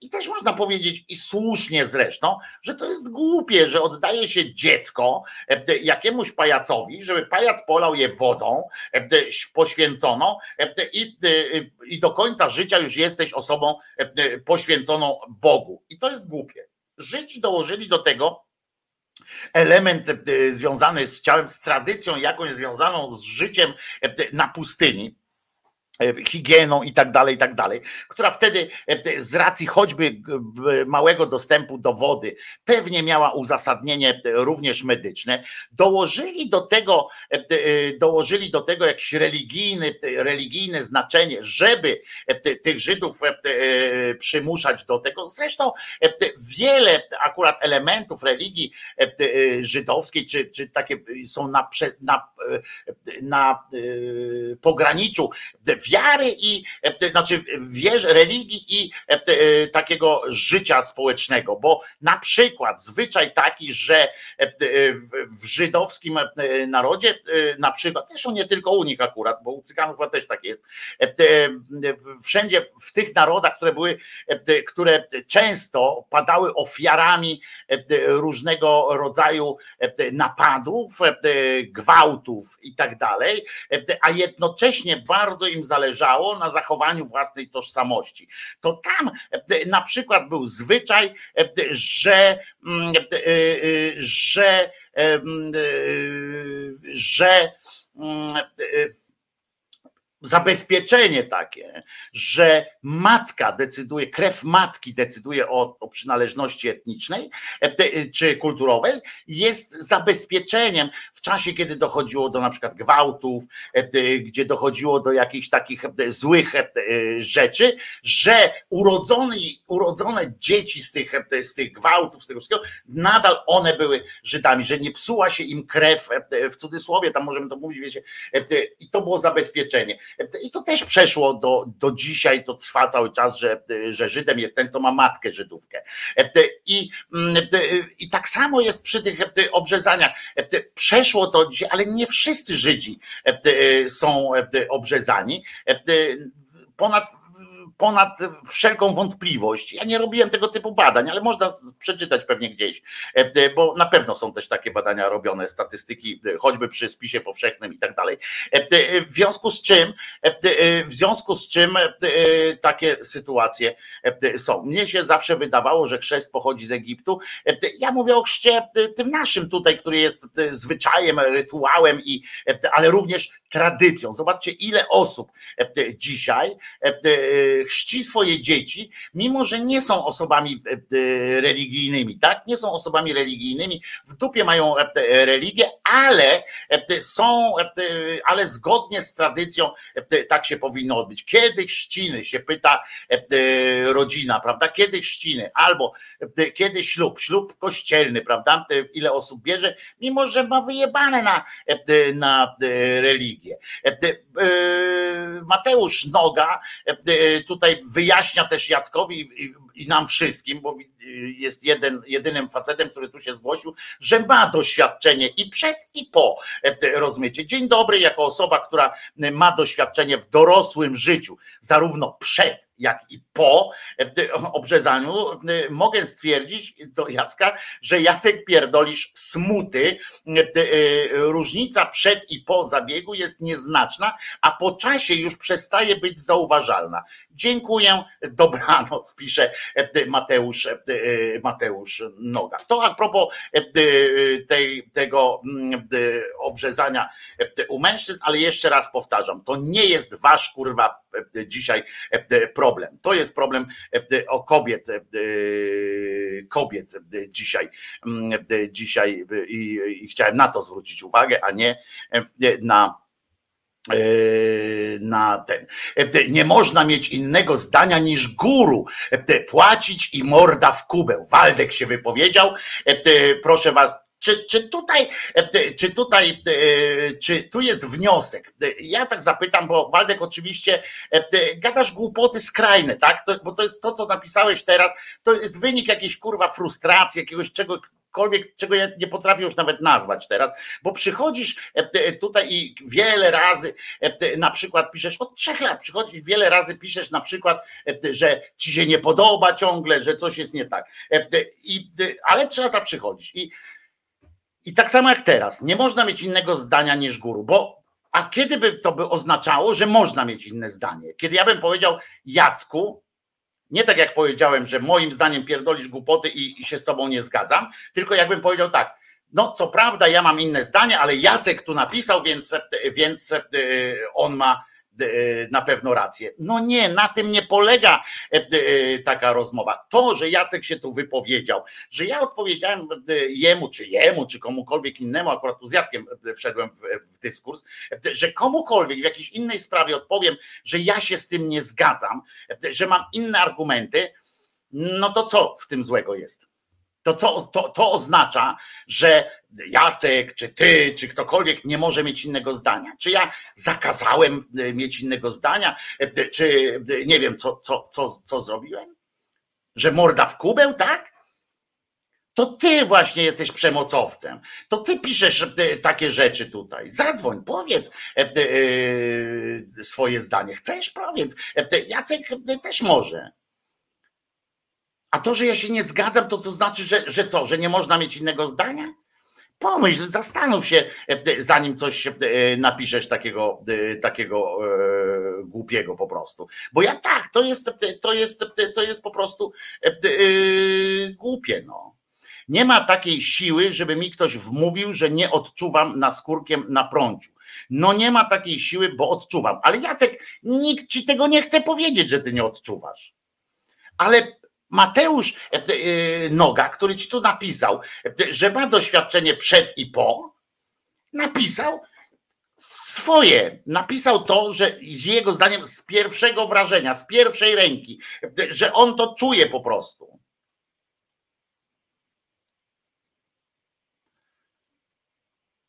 To to, to też nic nie, nie, nie, ten, każdy z nas odczuwa inaczej. E, e, są kobiety, które mają e, orgazm łechtaczkowy, są kobiety, które mają inny orgazm.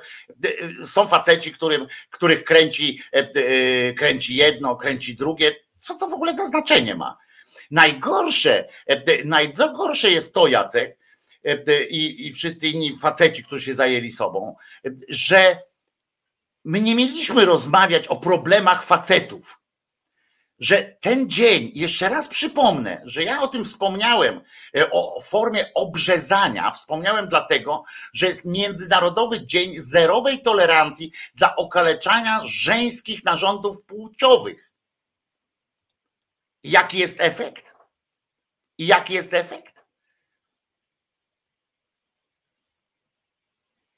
Że faceci kurczę y, takie rzeczy robią. I kończę z tym, y, y, z tym, z tym napletkowym szaleństwem, bo mnie to wkurwia, że, że faceci tu znowu, znowu faceci się wzięli za, za opowiadanie o tym. A ja chciałem zwrócić tylko uwagę na, na to, że no, na, to, na to zjawisko.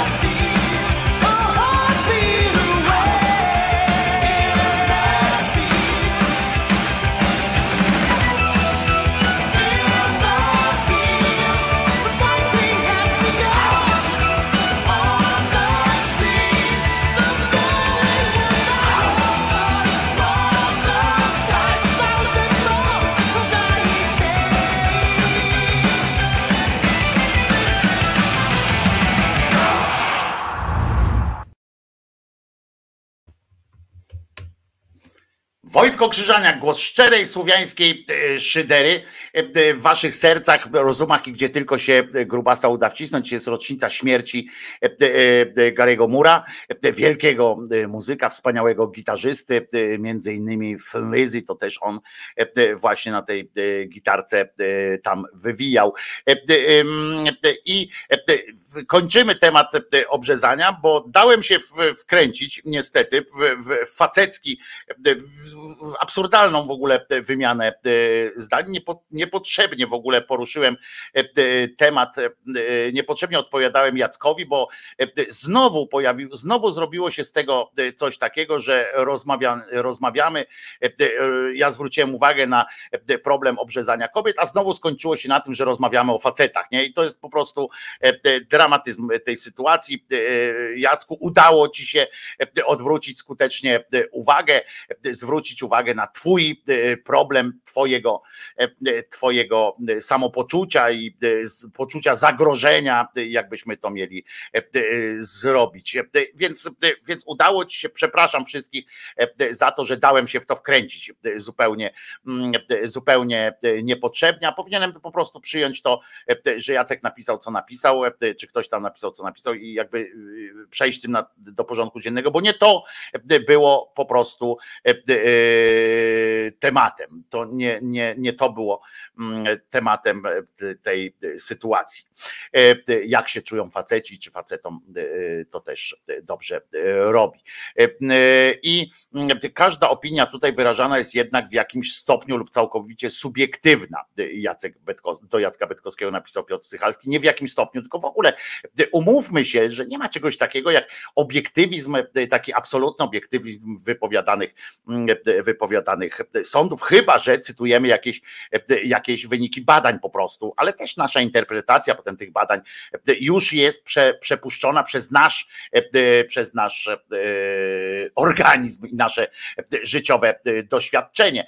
Z innych sytuacji Wam powiem, że i to chyba będzie też może być kontrowersyjne i tak dalej, ale właśnie tego dnia 6 lutego 1989 roku rozpoczęły się obrady okrągłego stołu, e, e, które skończyły się 5 e, kwietnia, ale to to takie, to a propos tego, że teraz się mówi o tym, że, mm, że powinny znowu być, być okrągły stół, że on by mógł coś załatwić. Nic by taki stół dzisiaj w Polsce nie załatwił. Po pierwsze, znowu część ludzi by na niego nie przyszła, a po drugie, żadne te ustalenia i tak by nie miały żadnych, żadnych sytuacji. Ale ciekawostki się, ciekawostka się taka pojawiła a propos tego Bocheńskiego. Wiecie, ja wczoraj o tym mówiłem, Bocheński jest kandydatem na prezydenta Warszawy.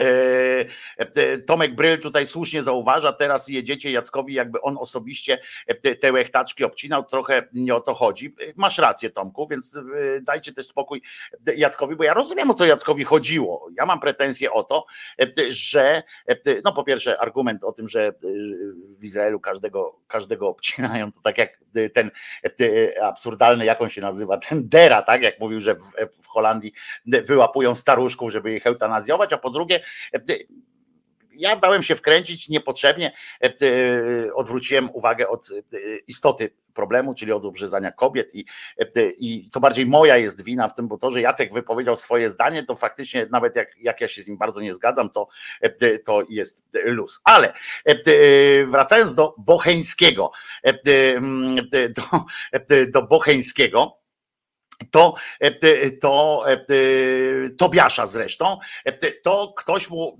przypomniał. Wczoraj w Polsacie przypomniano Bocheńskiemu taką oto sytuację. Podpisałbym się pod wypowiedzią kuratora oświaty o LGBT. Chodziło o kuratora Wierzchowskiego, który mówił o LGBT, że to wirus. Mówił właśnie. Jest, mogę zacytować więcej, ale zostańmy przy tym. No, przywołuje pan wypowiedź z dawnych czasów, niewątpliwie Nie tak dawnych, bardzo, no. bardzo głupią wypowiedź kuratora oświaty. Ja w tygodniku Polityka powiedziałem, że żałuję tych słów. Zostałem złapany, wie pan, jako młody wojewoda na konferencji prasowej.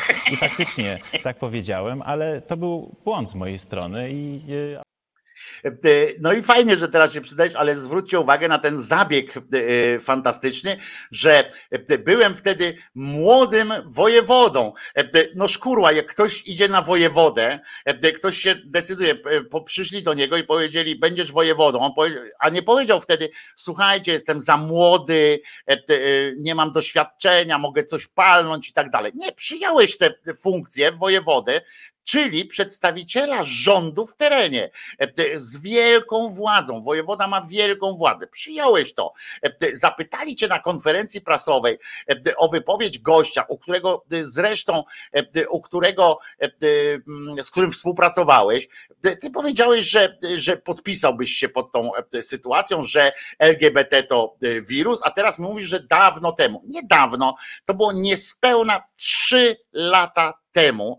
E, więc, więc jeżeli wtedy byłeś młodym, e, dopiero wchodzącym na, e, na jakąś, do akcji woje, wojewodą, młodym, niedoświadczonym i tak dalej, no to teraz nie jesteś taki znowu dużo starszy, prawda, żeby zostawać akurat prezydentem. On tam zresztą opowiadał, opowiadał oczywiście również inne e, rzeczy w czasie, jak był wojewodą. Jego nauczyciel e, ze szkoły e, mówi, że już w czasach szkolnych był to niezły, niezły ślizgacz, bo podał swojego nauczyciela do służb, tam złożył na niego doniesienie, zresztą, które wyjaśniam, żeby to nie było tak, że, że on na niego tam doniósł a, i miał rację, bo facet faktycznie tam coś złego robił, tylko okazało się, że to było po prostu złośliwe doniesienie do do służb niepotwierdzone i tak dalej, i tak dalej.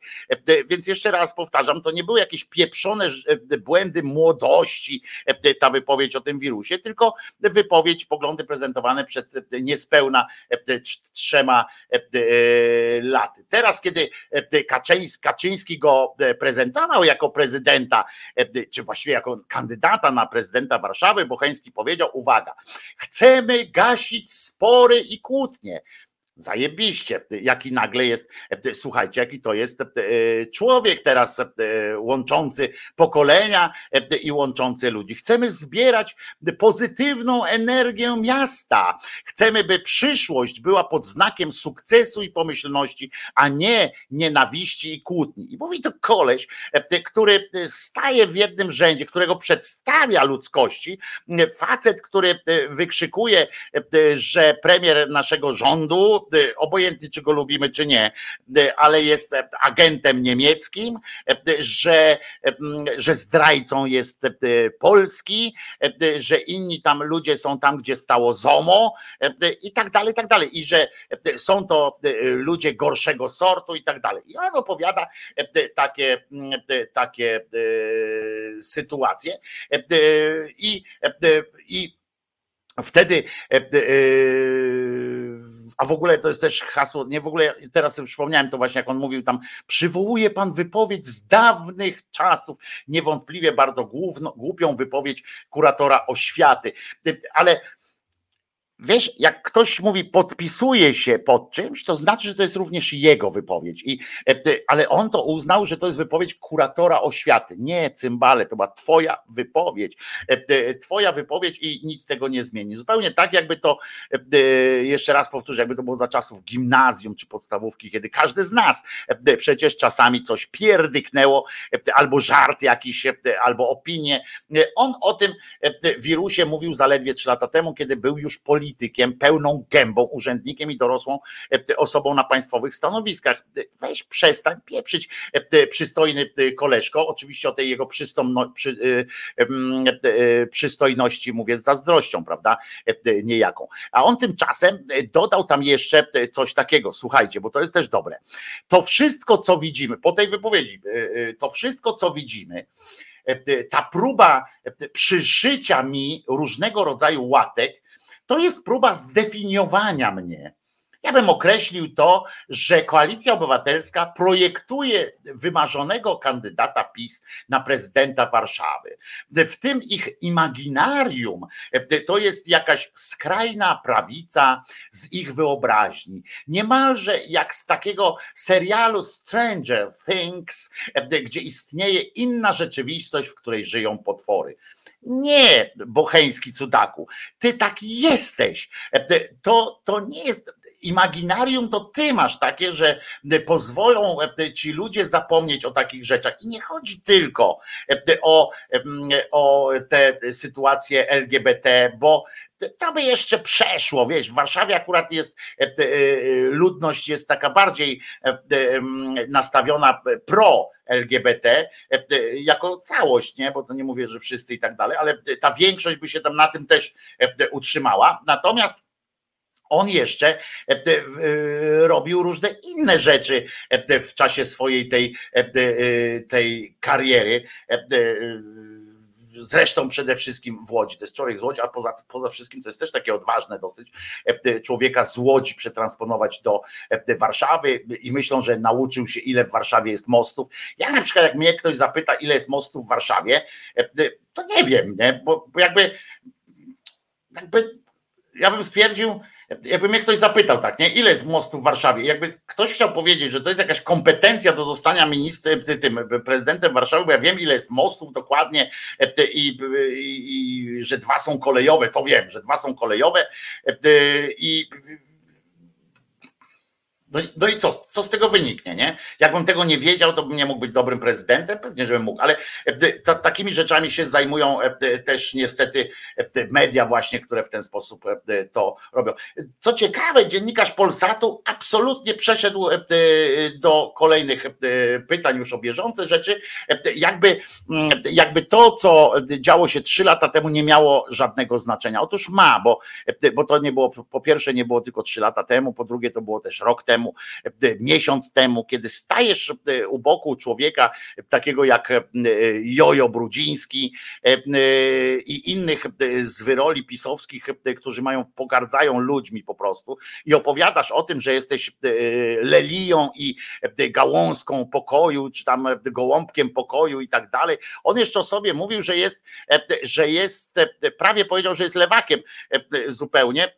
Zaczął opowiadać, że kim on jest, że on jest umiarkowany umiarkowany, w ogóle umiarkowanym e, konserwatystą, bliższym środka, w ogóle jakieś takie pierdoły e, zaczął opowiadać, które, od których e, ręce bolały, jak, jak się słuchało, to ręce, nogi, wszystko bolało. Tymczasem zbliżają się też wybory, mm, wybory właśnie te parlamentarne, ale jeszcze co ciekawe, zbliżają się też wybory, wybory prezydenckie. I ja z, z takim trochę zdziwieniem skonstatowałem, że słuchajcie, do tych wyborów coraz więcej ludzi się zgłasza. Tak wiecie, zgłasza się albo są trochę, są trochę jakby zgłaszani jacyś, jacyś ludzie i wczoraj przeczytałem, że uwaga, że Dorota Gawryluk jest też to dziennikarka Polsatu, też jakoś tam gdzieś być może nogę podniesie. Napisała o tym, napisała o tym, ja bym o tym nawet nie mówił, bo, bym, pomyślałbym, że to jest takie pindolenie po prostu. To jest pani Dorota Gawryluk, nie wiem czy pamiętacie. Ona taką, taki program teraz będzie miała nowy w Polsacie, który się nazywa Lepsza Polska. Ona przestała być już szefową tych kanałów tam informacyjnych Polsatu, ale będzie miała swój program Lepsza Polska i to się zbiegło trochę z, czy nawet wyprzedzającą informację dał Polityka Insight, taki płacony serwis polityki dokładniejszy, taki głębsze pogłębienie polityki, Polityka Insight. To jest redakcja polityki, inna redakcja, ale w, w ramach tygodnika Polityka. Oni takie raporty przygotowują. I Polityka Insight napisała właśnie takie coś, że Gawryluk może wystartować na prezydentkę Polski. Te ostatnie ruchy Zygmunta Solorza można rozumieć jako przygotowanie do wejścia w politykę. Do walki o prezydenturę ma szykować prezenterkę Dorotę Gawryluk. I ja bym się nie odważył tak, wiecie, ja bym tylko, tylko w ramach jakiegoś takiego śmiechu ewentualnie o tym powiedział, ale, ale przypominam, że to właśnie polityka Insight jako pierwsza napisała również o tym, że Szymon Hołownia szykuje się na prezydenta przedstawiając pewną analizę. Wtedy było im trochę łatwiej, bo to już było bliżej tych wyborów. Teraz pamiętamy, mamy półtora roku do, do tamtych do wyborów prezydenckich. Wtedy było chyba 7 czy 8 miesięcy do wyborów prezydenckich i oni już metodą jakichś tam analiz, wypowiedzi i tak dalej, i tak dalej i swoich informatorów poinformowali, że Mm, Szymon Hołownia będzie kandydatem na prezydenta, co oczywiście co oczywiście jeszcze nie daje pełnej gwarancji, że, że i tym razem mają rację, ale analizę, którą przeprowadzili, była, jest dosyć, dosyć taka no, spójna w każdym razie. Sama zainteresowana nie potwierdza swojego startu.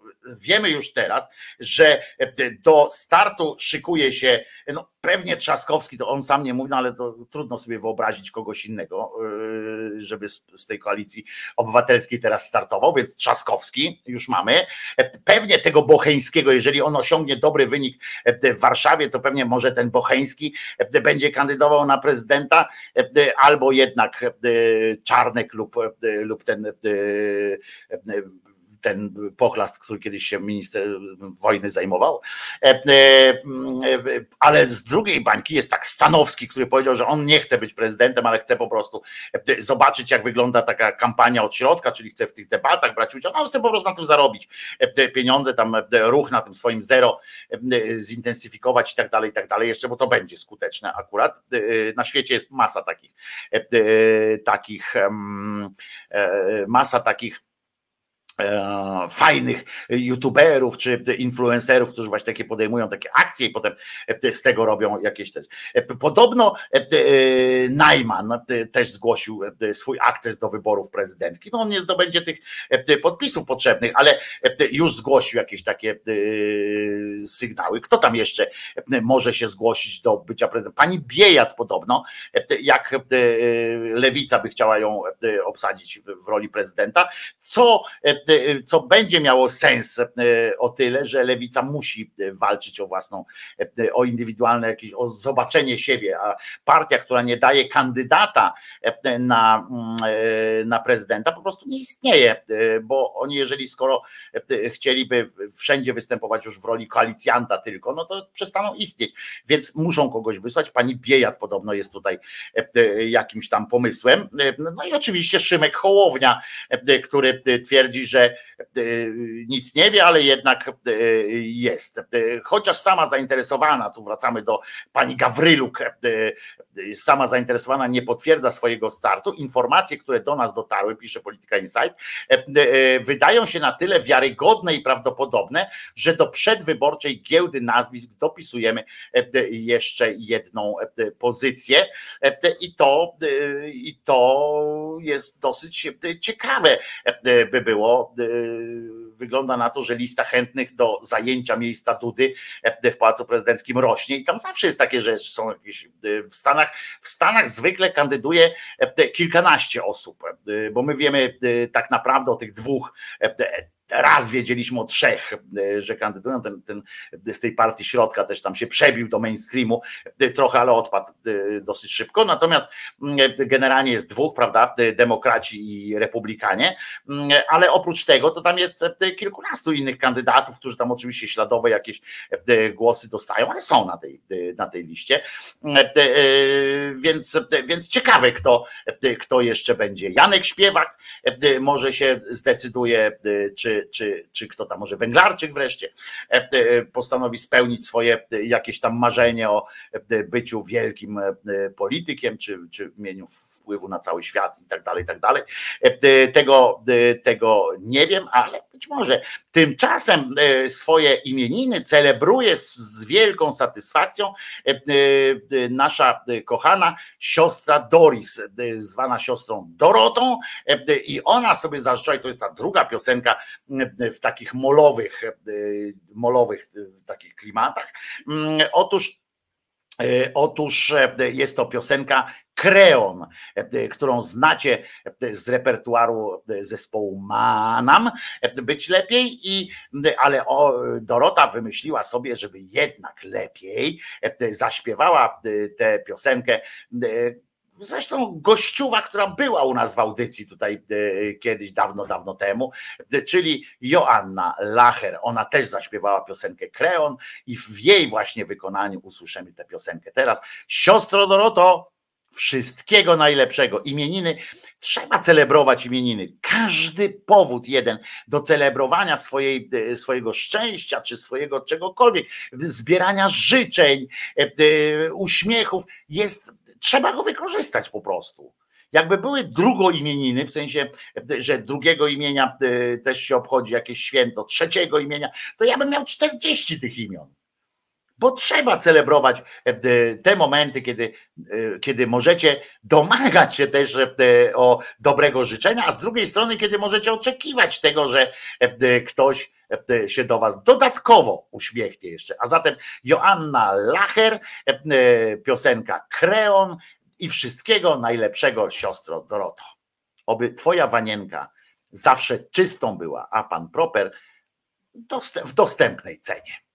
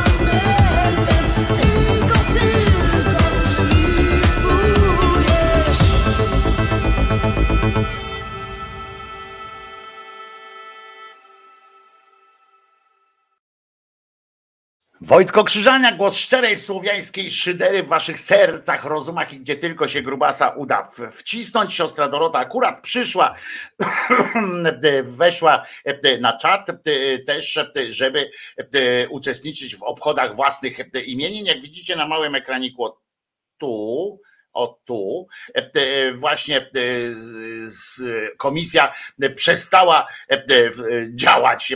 Teraz wyłączyli się i poszli coś opierdolić na ciepło. To już ten czas, kiedy by trzeba, trzeba było. Siostra przesyła wam serduszko.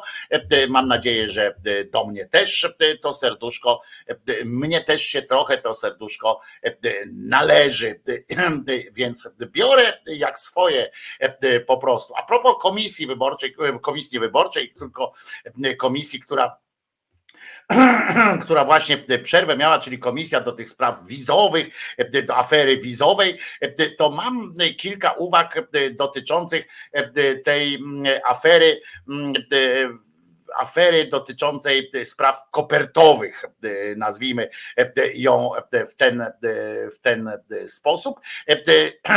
Przepraszam bo e, muszę się z wami podzielić e, pewną, e, pewną uwagą. Otóż jestem bardzo zniesmaczony tą, tą, tą komisją i mm, i możecie nie, po, nie podzielać mojego, mojego rozczarowania, jednak, jednak muszę się z wami tym podzielić. Otóż naprawdę myślałem, że ta komisja w jakimś celu, w jakimś celu jest powołana jako, jako pierwsza. Wydawało się zresztą, że, ma, że oni tam mają zgromadzone najpoważniejsze kwity do tej komisji, mają tych świadków, że zrobią show takie, jak, że ta komisja nadaje się na coś w rodzaju coś w rodzaju takich igrzysk właśnie, tak, żeby spełnienie marzeń tych osób, które,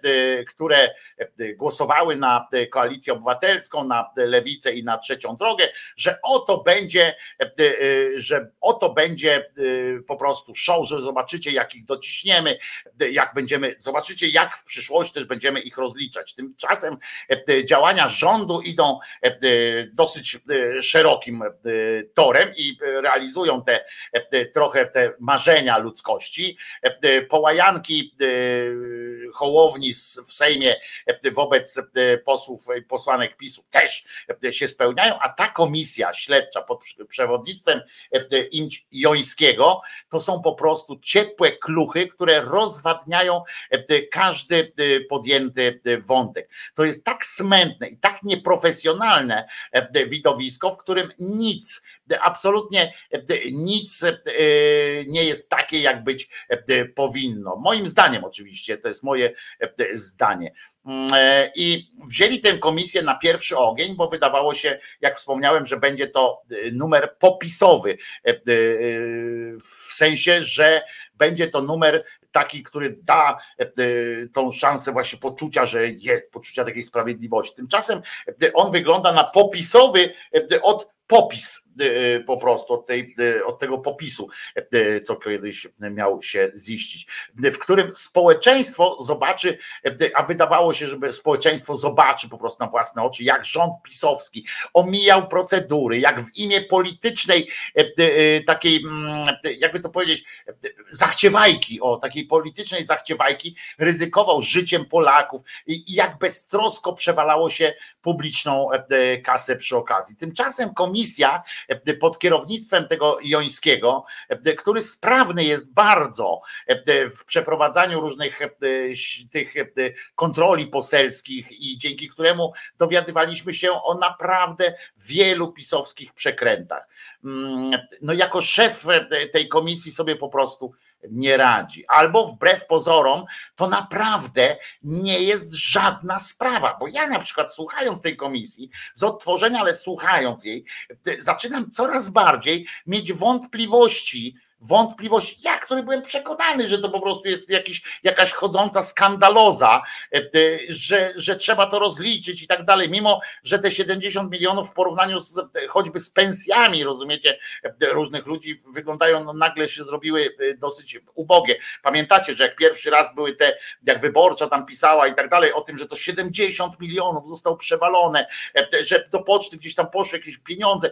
Jak nam się to wydawało straszną rzeczą, prawda? Że 70 baniek, przecież to trzeba rozliczyć i tak dalej. Dzisiaj te 70 milionów tak naprawdę to już na ludziach nie robi takiego wrażenia, jak tu mówimy o miliardach, tam mówimy o bilionach niemalże, kurwa, tam mówimy o czym, to nagle te 70 baniek w porównaniu z pensją, rozumiecie, skoro pensję sam Adamczyk brał przez 8 lat, to w sumie mu, mu tam wyszło chyba około 10 baniek, to tak patrzymy, że w sumie to kurwa te 70, no to już nie szalejmy.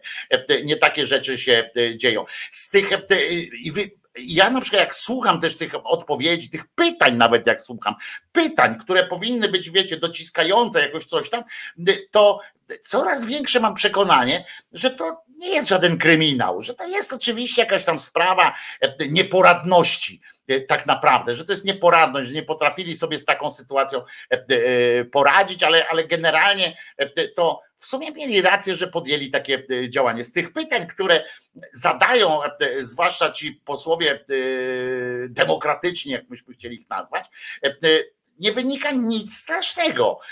Właściwie z odpowiedzi też nic złego nie, nie wynika, poza ogólnym jakimś bałaganem ewentualnie.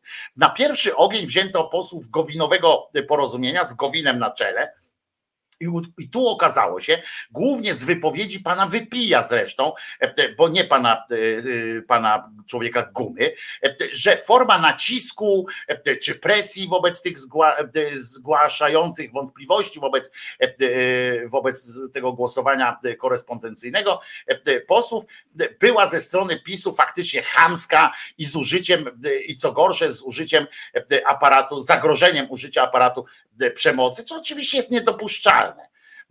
I, ale to tyle. To były formy nacisku ciągle. Nikt ich, jakby nikt nie było, że złamali prawo, tylko forma nacisku, żeby zagłosowali po prostu za. Demokratyczni członkowie tej komisji wyglądają na absolutnie nieprzygotowanych szamocą się, wdają się w pyskówki, odchodzą gdzieś jak nie przymierzając. Ja dzisiaj próbowałem powiedzieć o tych kobietach, a w końcu skończyło się i tak na gadce niepotrzebnej o, o obrzezaniu facetów. Rozumiecie? Gdzieś poszliśmy gdzieś bokiem i oni się też tak samo dają wkręcać w jakieś, w jakieś pyskówki o jakiś wyraz na przykład, nie? Co, co nie pcha w ogóle do przodu e, całej sytuacji. E, albo czepiają się właśnie słówek, ale nie pchają niczego e, do przodu. Mało tego, Mało tego, wygląda na to, że oni ze sobą, ci posłowie demokratyczni, czyli tej większości parlamentarnej, albo ze sobą nie uzgadniają pytań i kierunków, w których ma ta komisja pójść, albo nawet się ze sobą nie komunikują w najmniejszy sposób, po prostu. Powtarzają swoje pytania. Jeden skończy te pytania, drugi zaczyna od tych samych pytań. Ten mówi, no ale już to odpowiadałem, ale ja bardzo proszę, żeby pan to jeszcze raz odpowiedział. Tak jakby każdy z nich miał imperatyw, żeby się czymś zająć, żeby, żeby zadać pytanie, ale nie ma własnych pytań. Nie, niczego nie wyczytał w tych dokumentach, takiego, e, czego nie wyczytał e, jego kolega. I, I nie wymienili się notatkami nawet. Nie, nie powiedzieli, słuchaj, to ty jak skończysz na tym wątku, to ja go pociągnę. Nie, nie ma czegoś takiego. Jest po prostu e, jeden skończył, drugi coś tam nagle zaczyna. Tu jakiś wątek się, wiecie, zarysowuje tam ciekawie, nie? że może coś z tego wyniknie, jak go docisną. I, i nagle i wydawało mi się, że skończył się czas tam zadawania pytań jednego, i ten drugi zaczyna. I wydawałoby się, dobra, to dociskaj go. A ten mówi, no, a w 76 e, tam gdzieś e, pod Sochaczewem deszcz padał, nie? Kurwa, i wszyscy myślą, co się dzieje. E, przeskakują na inny rejon tego tematu, sprawiając, że ciekawie rysujący się wątek znika. Jakieś proceduralne pyskówki, nad którymi Joński nie panuje i które rozciąga w nieskończoność. Tak jak ta rozmowa o tym, czy ten Antymidas Sasin może wygłosić na początku wolne wnioski takie. Jeszcze od Rywina, pamiętacie, jest coś takiego, że jak przychodził świadek, to komisja mu zadaje takie rytualne pytanie, czy świadek chciałby skorzystać z takiej formuły wolnego, wolnej wypowiedzi, żeby powiedzieć wszystko, co jest wam wiadome w, w tej sprawie. No i tam Soboń oczywiście zrobił sobie jaja z tego, sobie jaja z tego, z tego czegoś, odczytując z kartki jakieś tam oświadczenia absurdalne, a potem mówił ciągle, że ja już o tym mówiłem we wstępie, wstępie, wstępnym słowie. No więc Joński pomyślał, że przechytrzy system i nada dynamiki, bo on powiedział, że nie może tak być, że to odbiera tempo, dynamikę tej, tej komisji, w związku z czym ja panu Sasinowi takiego prawa nie udzielę, prawda? I to miało być po to, żeby szybciej się to procedowało. Tymczasem cała dyskusja o tym, czy on ma prawo, czy nie ma prawa do tej wypowiedzi, zanim doszło do głosowania, do przegłosowania tego, czy, czy, on, czy on zgłosi, na przykład przez pięć minut zastanawiali się, czy on zgłosi wniosek przeciwny, że chce. No to ten mówi, no ale pan mi przedstawi najpierw ten wniosek swój, do którego ja mogę zgłosić przeciwny wniosek. I tak dalej. I to trwało chyba 40 minut. A miało być po to, on to po to przerwał, żeby, żeby Sasin czegoś tam nie zabierał nam czasu. No i takie to są właśnie, i ten się uprze jak koza i ma. Oczywiście tam jest w tej komisji ten Czarnek i taki drugi jeszcze pajac i oni oczywiście, Buda on się chyba nazywa, pajacują kon konkretnie, robią sobie jaja z, tego, z tych wszystkich, czepiają się, są chamscy i tak dalej, i tak dalej. No to było wiadomo i przed komisją. Przecież prawdę mówiąc, Materia tej komisji kopertowej jest banalnie prosta i zapisana w tym, ja przeczytałem, jak to jest zapisane, jest banalnie prosta sytuacja i do ustalenia tak naprawdę przez jedną osobę dysponującą dokumentacją. Tomasz Piątek, nasz kochany Tomasz Piątek, nasz przyjaciel, ogarnąłby to prawdopodobnie w kilkadziesiąt minut, no ale dajmy mu na to nawet dwa, trzy dni, żeby to ogarnął pokazał te, te, te gwiazdki i strzałki i kwestią, za którą można kogoś o coś posądzić, to przede wszystkim to, że premier podpisał decyzję o rozpoczęciu przygotowań do realizacji wyborów kopertowych, zanim uprawomocniła się ustawa, która mu na to pozwalała. I i to jest do ustalenia od razu, bo tak było, to po prostu jest złamanie procedur, tak? E, e, ustawa weszła e, na przykład, tam ja strzelam datami 3 kwietnia, a on podpisał, nie wiem, 20 marca, nie? No więc nie miał prawa podpisać tej ustawy. I tu są prawnicze spory, potem wchodzimy na prawniczy spór, czy przygotowanie do samych wyborów jest też czynnością i tak dalej, i tak dalej, i tak dalej. Ale to są już prawnicze czynności, które przed sądem się odbywają, a nie przed komisją, przed którą takie deliberacje mają następować. I czyli a najważniejsze jest wtedy odpowiedź już z pominięciem tych właśnie deliberacji prawniczych, jest podjęcie odpowiedzi, znaczy spróbowanie znalezienia odpowiedzi na pytanie, co też jest w papierach, a nie w zeznaniach, czy tym, czyli czy zadysponowano, zadysponowano wydanie jakiejś kasy publicznej przed uchwaleniem, przed, przed wejściem ustawy w życie. Nie? Jeżeli wydano pieniądze realizujące tę ustawę, a ta ustawa jeszcze nie była, nie weszła w życie, to to jest kryminał, tak? I, ale to też w papierach jest, a nie w żadnym, w żadnych tam zeznaniach czy, czy coś takiego, bo co z tego, że Dworczyk powie tak, yy, nie, nie, nie wydaliśmy żadnych pieniędzy, no ale proszę, proszę pana, tu jest faktura, to ja nie wiem. No i, no i co, to, co to dalej da? Pokazać trzeba tę fakturę, do widzenia y, się masz y, Czesław. No i czy jakieś brzydkie kryminalne naciski były? Już teraz wiadomo, że kryminalnych jako takich nacisków chyba nie było, bo wszystko odbywało się w takim, mm, w takim e, klimacie, jak po prostu nam pokazuje też, jak się robi politykę, tak? To nam pokazuje trochę, ale nie jak robił politykę PiS, tylko jak w ogóle się robi politykę, bo, bo na te e, argumenty, które, które na tej komisji tam pozwalają, pozwalają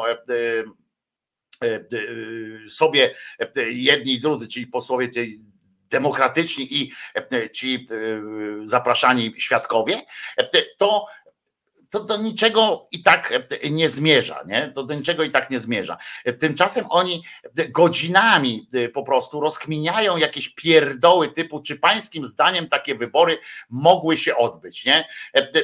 Czy pańskim zdaniem takie wybory mogły, co to w ogóle, co to ma za znaczenie w tej sytuacji, nie? Czy mogły się, czy pańskim zdaniem? On mówi, no mogły się odbyć, no bo skoro był w tej partii, która forowała, te, ten, forowała ten, ten, żeby się odbyły, no to co ma powiedzieć? Nie, chyba nie, coś takiego. A nawet jakby powiedział, wie pan co, teraz jak z perspektywy patrzę, to chyba nie, bo, bo tak mi się wydaje, że że chyba jednak nie, to co to zmieni, nie? No facet miał, miał refleksję. Albo chcąc koniecznie skrytykować na przykład tego Dworczyka, który jest przecież osobą śliską jak butelka po oliwie od środka zresztą, to piszą o tym różni tam komentatorzy, o tym, że zły i tak dalej, że po prostu jest zły, że każdą wypowiedź jego biorą i, i mówią, a bo kłamie, nie? Ale co, co, co, co z tego wynika dla samej e, e, komisji? E, ale nie mają nic po prostu, co mogłoby potwierdzić ich słowa w kontekście tej popieprzonej komisji. To jest stracony po prostu czas. Nie wiem, być może tam się coś jeszcze odbędzie.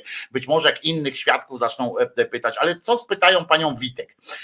O co można, przyjdzie teraz pani Witek, poza jakimś takim spektaklem żałosnym, bo ona oczywiście też jest wygadana, ma tych swoich stronników w tej komisji zresztą, e, więc oni zadają, zadadzą pytanie w rodzaju, e, czy e, pani jest piękna i, i mądra, ona powie tak i wiecie, będzie strata czasu kompletna bo nic z tego nie wynika. Wczoraj szczytem takim, wiecie, szczytem oglądalnościowym, to będzie też jak przyjdzie tam premier, wiecie, i będą go pytali, czy pan jest głupi, on powie, nie, nie jestem głupi i tak dalej, i tak dalej ale nic z tego e, niestety nic nie pokazuje tej arogancji, buty, e, bo też e, ci przychodzą w miarę dobrze przygotowani, na przykład nie cwaniaczą strasznie. Ten Soboń po prostu, on jest kretynem i widać, bo po nim małe doświadczenie w takich sytuacjach, bo się spiął, ale Dworczyk czy Sasin po prostu przyszli jak zawodowcy, nie? Jak strzelcy zawodowcy, śliskie mędy po prostu, ale, ale nic na nich nie mieli więc e, rzucali jakimiś tam e, od, od od sasa do lasa. No ale wczoraj, e, proszę Was, jak zobaczyłem tę sytuację, to, to, to mi ręce opadły. Czy Pan podziela opinię wicepremiera Sasina? A mógłby Pan ją precyzyjnie przytoczyć, bo ja, przepraszam Panie Przewodniczący, chciałbym też precyzyjnie odpowiedzieć, a nie do końca Zrozumiałem. Jakby pan Świadek zacytować... Sasin obciążył podczas e, przesłuchania przed e, ale, ale komisją pełną odpowiedzialność za wydanie decyzji. No niech pan posłucha, no, dopiero zacząłem mówić, a pan już mówi. Za wydanie decyzji o powierzeniu przeprowadzenia wyborów w Poczcie Polskiej, PWPW, a nawet po części Orlenowi, premiera Morawieckiego. I pytam, czy pan podziela opinię wicepremiera Sasina.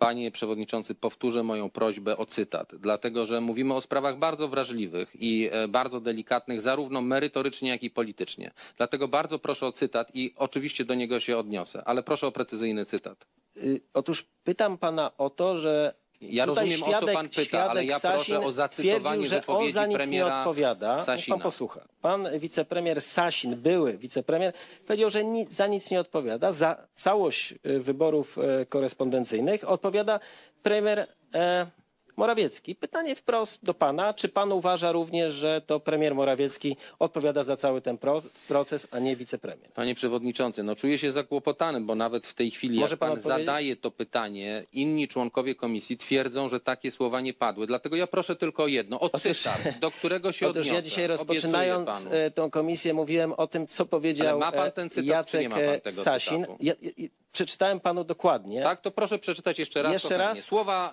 premiera Sasina, tak. To proszę się skupić. Jest, staram się, okay. cały czas, od początku naszego spotkania. Świadek Sasin obciążył podczas przesłuchania przed komisją nie, peł, pełną odpowiedzialność za wydanie decyzji o powierzeniu przeprowadzenia wyborów w Poczcie Polskiej PWPW, a nawet części Orlenowi, premiera Morawieckiego, pana szefa. Pytam, czy pan podziela opinię byłego wicepremiera Sasina? Odpowiadam. Poprosiłem o cytat ministra Sasina. Pan odpowiada. Świadek Sasin obciążył. Czy naprawdę świadek Sasin, Czy pan może odpowiedzieć Sasin, na to mówił pytanie? o sobie Czy może pan odpowiedzieć Sasin? na to pytanie? Ale panie przewodniczący, powiedziałem, odpowiem panu na każde pytanie zadane Nie, nie odpowiada pan na to pytanie. Poproszę o odpowiedź na to pytanie. Proszę o Ale cytat. proszę cytować. No, Jeżeli pan mi świadek da prosi o cytat, cytat. odniosę się do tego cytatu. Jeżeli pan mówi swoją interpretację słów premiera Sasina, nie będę się do tego odnosił, Świadek bo Sasin jest tu siedząc potrzebna tutaj, precyzja. gdzie pan powiedział, że za przeprowadzenie wyborów korespondencyjnych ponosi odpowiedzialność premier Morawiecki. Pytam się, czy pan również uważa... Panie przewodniczący, z czego... Ja... I tak można w trupa, rozumiecie? Ten mu mówi, podaj mi cytat. Po prostu. E, Potem wreszcie, po tych e, tam dziesięciu w sumie chyba minutach, wreszcie mu e, ktoś mu tam przyniósł temu Jońskiemu tę kartkę z tym, z tym, z tą cytatą i, i zacytował. I wiecie, to jest i na tym, na tym płynie cała ta sytuacja. Ale znowu mam takie, bo teraz w czasie tego, jak, jak puściłem ten fragment, przeczytałem kawałek czatu i znowu mam takie déjà vu z sytuacji, że ja coś mówię i, i, i to gdzieś tam leci bokiem. Bo na przykład Eugen pisze, naprawdę masz wątpliwości, że 70 milionów to tylko tak trochę, to kurwa budżet kilku szpitali albo cykli politycznych i tak dalej. W którym momencie, powiedz mi, w którym momencie Eugen powiedziałem, że to jest mało pieniędzy? Powiedziałem, kurczę, wiecie, tłumaczyć siebie w sensie rekapitulować swoje słowa to głupie, ale, ale dobrze. Powiedziałem jasno, że na tle tego, co się wydaje, co, co teraz padły te cyfry, wśród ludzi już nie robi takie wrażenie, takiego wrażenia suma 70 milionów. Nie robi takiego wrażenia, podczas kiedy padły miliardy, zyliony i biliony, kiedy padają, że nie robi już takiego wrażenia, jak jeszcze w kampanii wyborczej, kiedy nie było wiadomo dokładnie, ile kosztują tamte rzeczy. I z kolei Elka pisze, no co ty opowiadasz Wojtko? Przecież wszystko polega na tym, że działali nie mając podstaw prawnych, a tylko tak może działać administracja. Oni złamali prawo. No to czego ja nie powiedziałem tutaj? Czego ja nie powiedziałem? Powiedziałem, że chodzi o tą ustawę. Nie było podstawy prawnej i jeżeli udowodnią im, że jedno, co mają im udowodnić, to to, że wydali pieniądze i dyspozycje przed wejściem ustawy w życie. I to jest to złamanie prawa. I i to może wykonać Tomek Piątek jako biegły w, w, korzystaniu z dokumentów, albo po prostu jakiś prawnik, który może nad tym usiąść, powiedzieć i spojrzeć tak. Pierwsza faktura poszła 30 marca, a, a ustawa weszła w życie 2 kwietnia.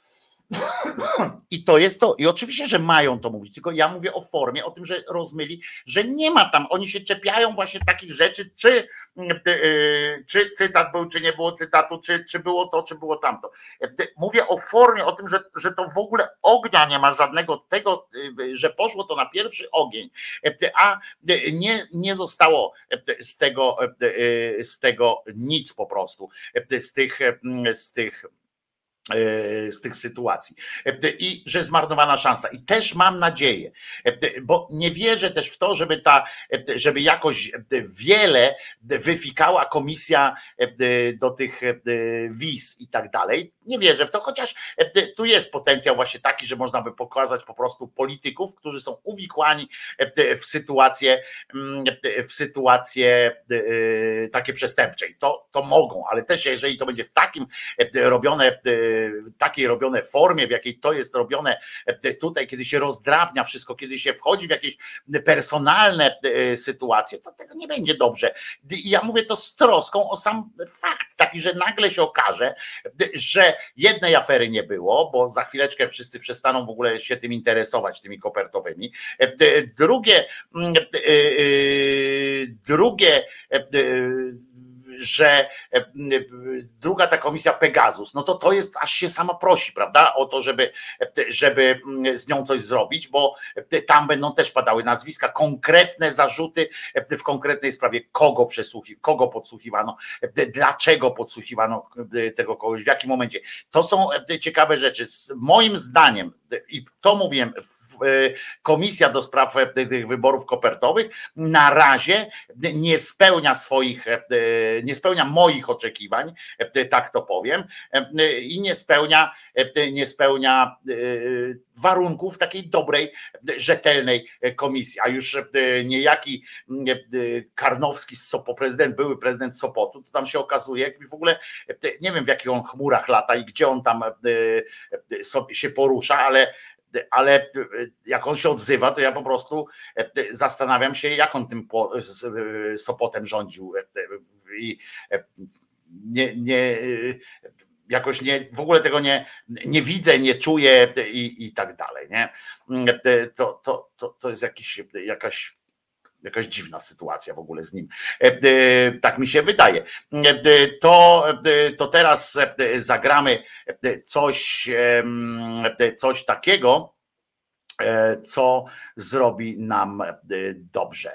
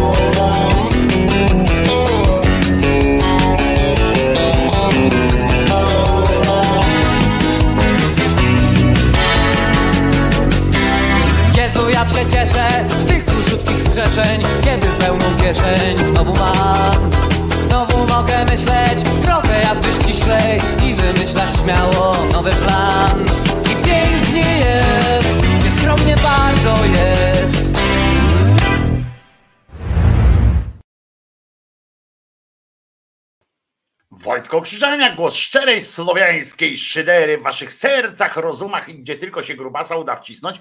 E, Kilka razy e, już, e, już o tym mówiłem, ale tu skoro dostałem takie przypomnienie od Tomka, to wam też przypomnę, że wszyscy jesteśmy, że całe szczęście, że w Polsce mamy republikę, bo gdybyśmy nie mieli republiki, to byśmy byli przeklęci cały czas, bo to jest dobre przypomnienie, bo generalnie co jakiś czas, co jakiś czas nasz kraj został o, na nasz kraj została nakładana jakaś tam albo to ekskomunika, bo były też takie, albo klątwa po prostu. I na przykład w 1319 to sąd papieski nałożył na Łokietka króla naszego kochanego klątwę w, w, na przykład w 1410, to jest ważne, bo ta klątwa, o ile tamte, tamta łokietkowa to została tylko do łokietka, więc łokietek zmarł i to się skończyło, wtedy jeszcze państwo to było po prostu własność króla.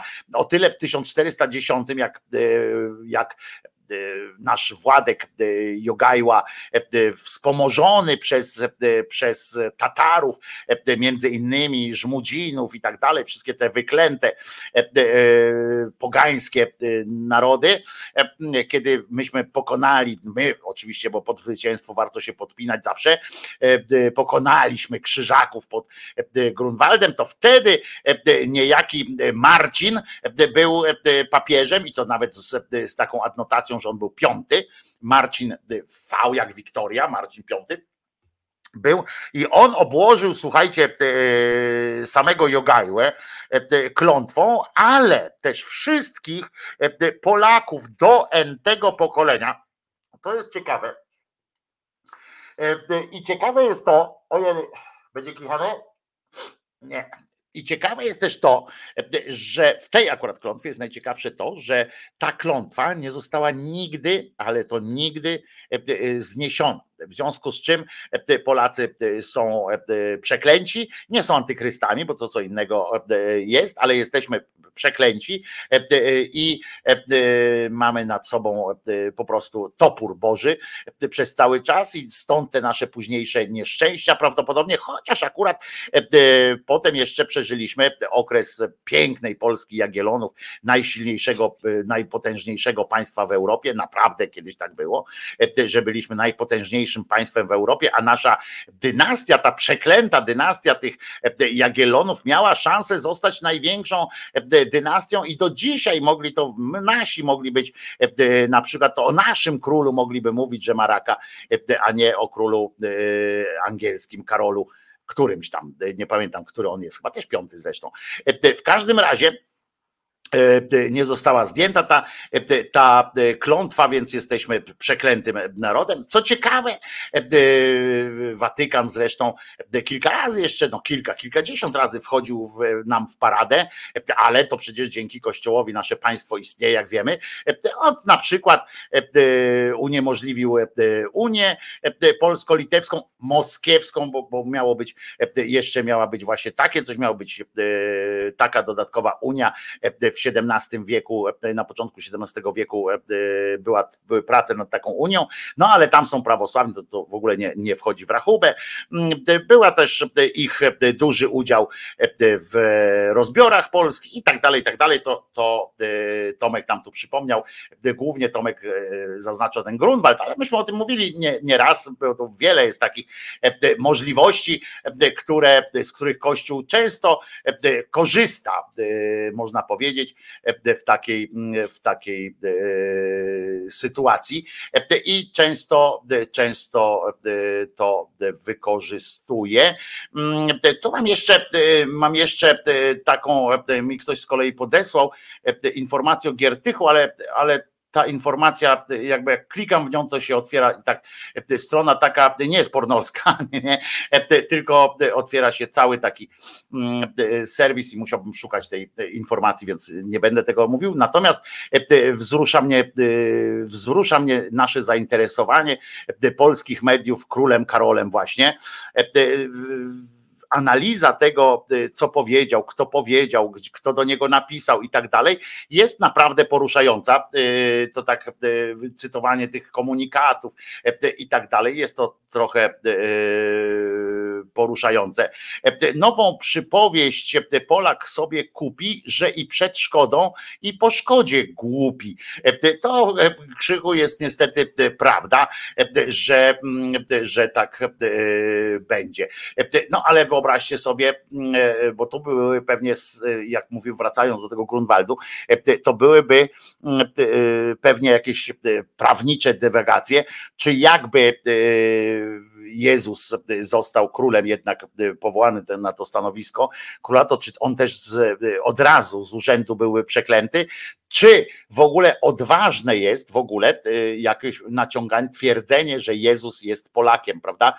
E, to też jest niestety e, bardzo e, niebezpieczna dróżka, którą nie powinniśmy iść, bo to by, to by stwarzało, że papież przeklął, przeklął Jezusa, a to by już prowadziło nas na jakieś absolutne, absolutne manowce, których no nie możemy się zgodzić. Przecież no jak, to nie może być tego wszystkiego. Natomiast Nergal, słuchajcie, cieszą się prawacy, cieszą się z tego, że Nergal być może wreszcie zapłaci. Oni już tam się martwią, już, już dają nawet jego zdjęcia, prawacy dają nawet jego zdjęcia z, z tym E, e, no, z takim tym, wiecie, plastrem na oczach, bo oto, słuchajcie, sąd apelacyjny w Gdańsku uchylił e, uniewinnienie Darskiego, pseudonim Nergal, oskarżonego o znieważenie godła polskiego, informuje pani Majkowska z Ordo dupis. Sąd apelacyjny w Gdańsku uchylił uniewinnienie oskarżonego o znieważenie. To już drugie uchylenie w tej sprawie. Wcześniej sąd pierwszej instancji dwukrotnie uniewinnił celebrytę. Gratulacje dla mecenasza Zlocha, reprezentującego Ordo Juris. Sprawa dotyczy plakatu promującego trasy zespołu Behemoth pod hasłem Rzeczpospolita Niewierna, która odbywała się między tam no, w 2016 roku na plakacie widniał biały orzeł pozbawiony korony. Kurwa, głowę ptaka przyozdabiały za to diabelskie rogi. W skrzydła orła wpisano czaszki, a w korpus odwrócony krzyż oraz węże. Całość podsumowuje napis Rzeczpospolita niewierna. No i teraz sytuacja jest, zaognia się, ponieważ grozi sankcja panu, panu, panu Nergalowi i, i może pójdzie, będzie, to jakiego nazwą? To będzie więzień sumienia. Jakby trafił do więzienia, pewnie Nergal by nawet zapłacił teraz jakieś, jakieś pieniądze za to, żeby do więzienia trafić, no bo lepszej lepszej y, tej y, promocji, to on by się nie mógł e, spodziewać, bo to by było e, no coś fantastycznego. E, na całym świecie by było o nim głośno. Behemoth znowu stałby się największą gwiazdą europejskiego metalu, również za wielką wodą. Tam się ceni takich ludzi, którzy do więzienia idą. Nawet na tych Grammy ostatnio tam jakieś nagrody dostał raper. Ja się nie znam na tych raperach, ale Killer Mike wiecie, jak ktoś się nazywa Killer Mike, czy tam Killer Joseph, czy inny tamten, no to czego się po nim spodziewać, że, że będzie uśmiechnięty. No i on odebrał trzy statuetki Grammy, po czym go milicja zawinęła i pojechał do aresztu, bo podobno przed samą imprezą udzielił nie tylko kilku wywiadów, ale też udzielił kilku ciosów jakiemuś ochroniarzowi. Tego nie wiem, ale podobno go wzięli tam. Natomiast czy to był element y, promocji, autopromocji, czy coś tam w każdym razie wpłacił kaucję i, i zdążył na afterek po tych Grammy, e, na których e, zresztą Taylor Swift e, pobiła wszystkich dawne wszystkie legendy, ponieważ czwarty raz uzyskała Grammy w tej największej, najważniejszej kategorii, czyli tam płyta roku czy artysta roku.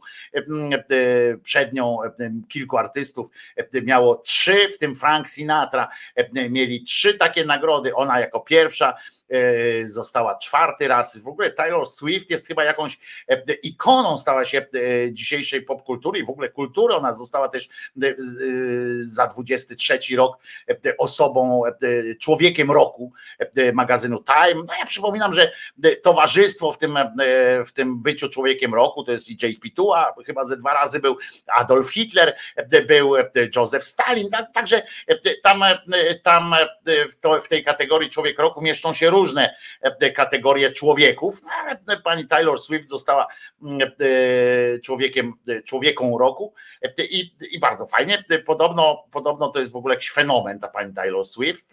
Ja nie lubię jej piosenek, ale to chyba nie, nie ma obowiązku na razie, a poza tym no nie wiem, może kiedyś tu puszczę wam, jak nie znacie Taylor Swift, to może wam puszczę jakiś przebój jej taki najnowszy, bo ta, ta płyta najnowsza to podobno jest też wydarzenie. Posłuchałem sobie w związku z czym wczoraj e, najnowszej płyty Taylor Swift i no i tak każdego kawałka posłuchałem do minuty, nie? Do, refrenu, żeby refren jeszcze i, e, i posłuchałem zwrotkę, refren i przejście do drugiej zwrotki, bo to czasami jest, zmienia się. No i tak no i tyle. No, no, mogę wam powiedzieć, że przesłuchałem, no, częściowo, nawet nie w całości. Jeden numer posłuchałem w całości, e, bo mi się podobał. E, w sensie taki był, no, że mogłem posłuchać i do końca i że nie miałem ochoty go e, przewijać.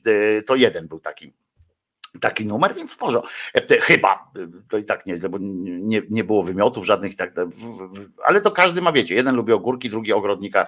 E, córki Taylor Swift e, podobno gwiazdą, gwiazdą wielką jest. A ja jestem dziadersem, oczywiście, że tak, no to przecież ten, a Szarmancki Łoś pisze, Nergal nie jest celebrytą, Wojtko, to muzyk pierwszej klasy. Otóż muzyk pierwszej klasy też może być celebrytą. My dzisiaj, dzisiaj słowo celebryta się zdewaluowało, być może wiele osób e, myśli, e, ja jestem dziadersem, jak się mówiło, dla mnie celebryta e, to jeszcze, ja troszeczkę żyję w, w dawnej epoce, czasem w tych słowach, celebryta to była osoba znana po prostu, no, no trudno powiedzieć, żeby Nergal nie był osobą znaną, więc, więc dlatego używam te, te, tych słów, a poza tym, a prawicowcy używają faktycznie, masz rację, że jak zacytowałem te prawicowe media, to oni faktycznie to jako używają jako e, inwektywę, więc, więc masz rację, że, że w tym wypadku akurat nie powinienem mm, e, nie powinienem e, na to patrzeć. I powinienem powiedzieć tak. Metallica też zdobyła Grammy w tym roku, natomiast nie, nie, nie znałem tego zespołu, który nagrał tam metalową płytę roku, więc muszę dopiero dzisiaj ją będę, jej będę słuchał, nawet nie pamiętam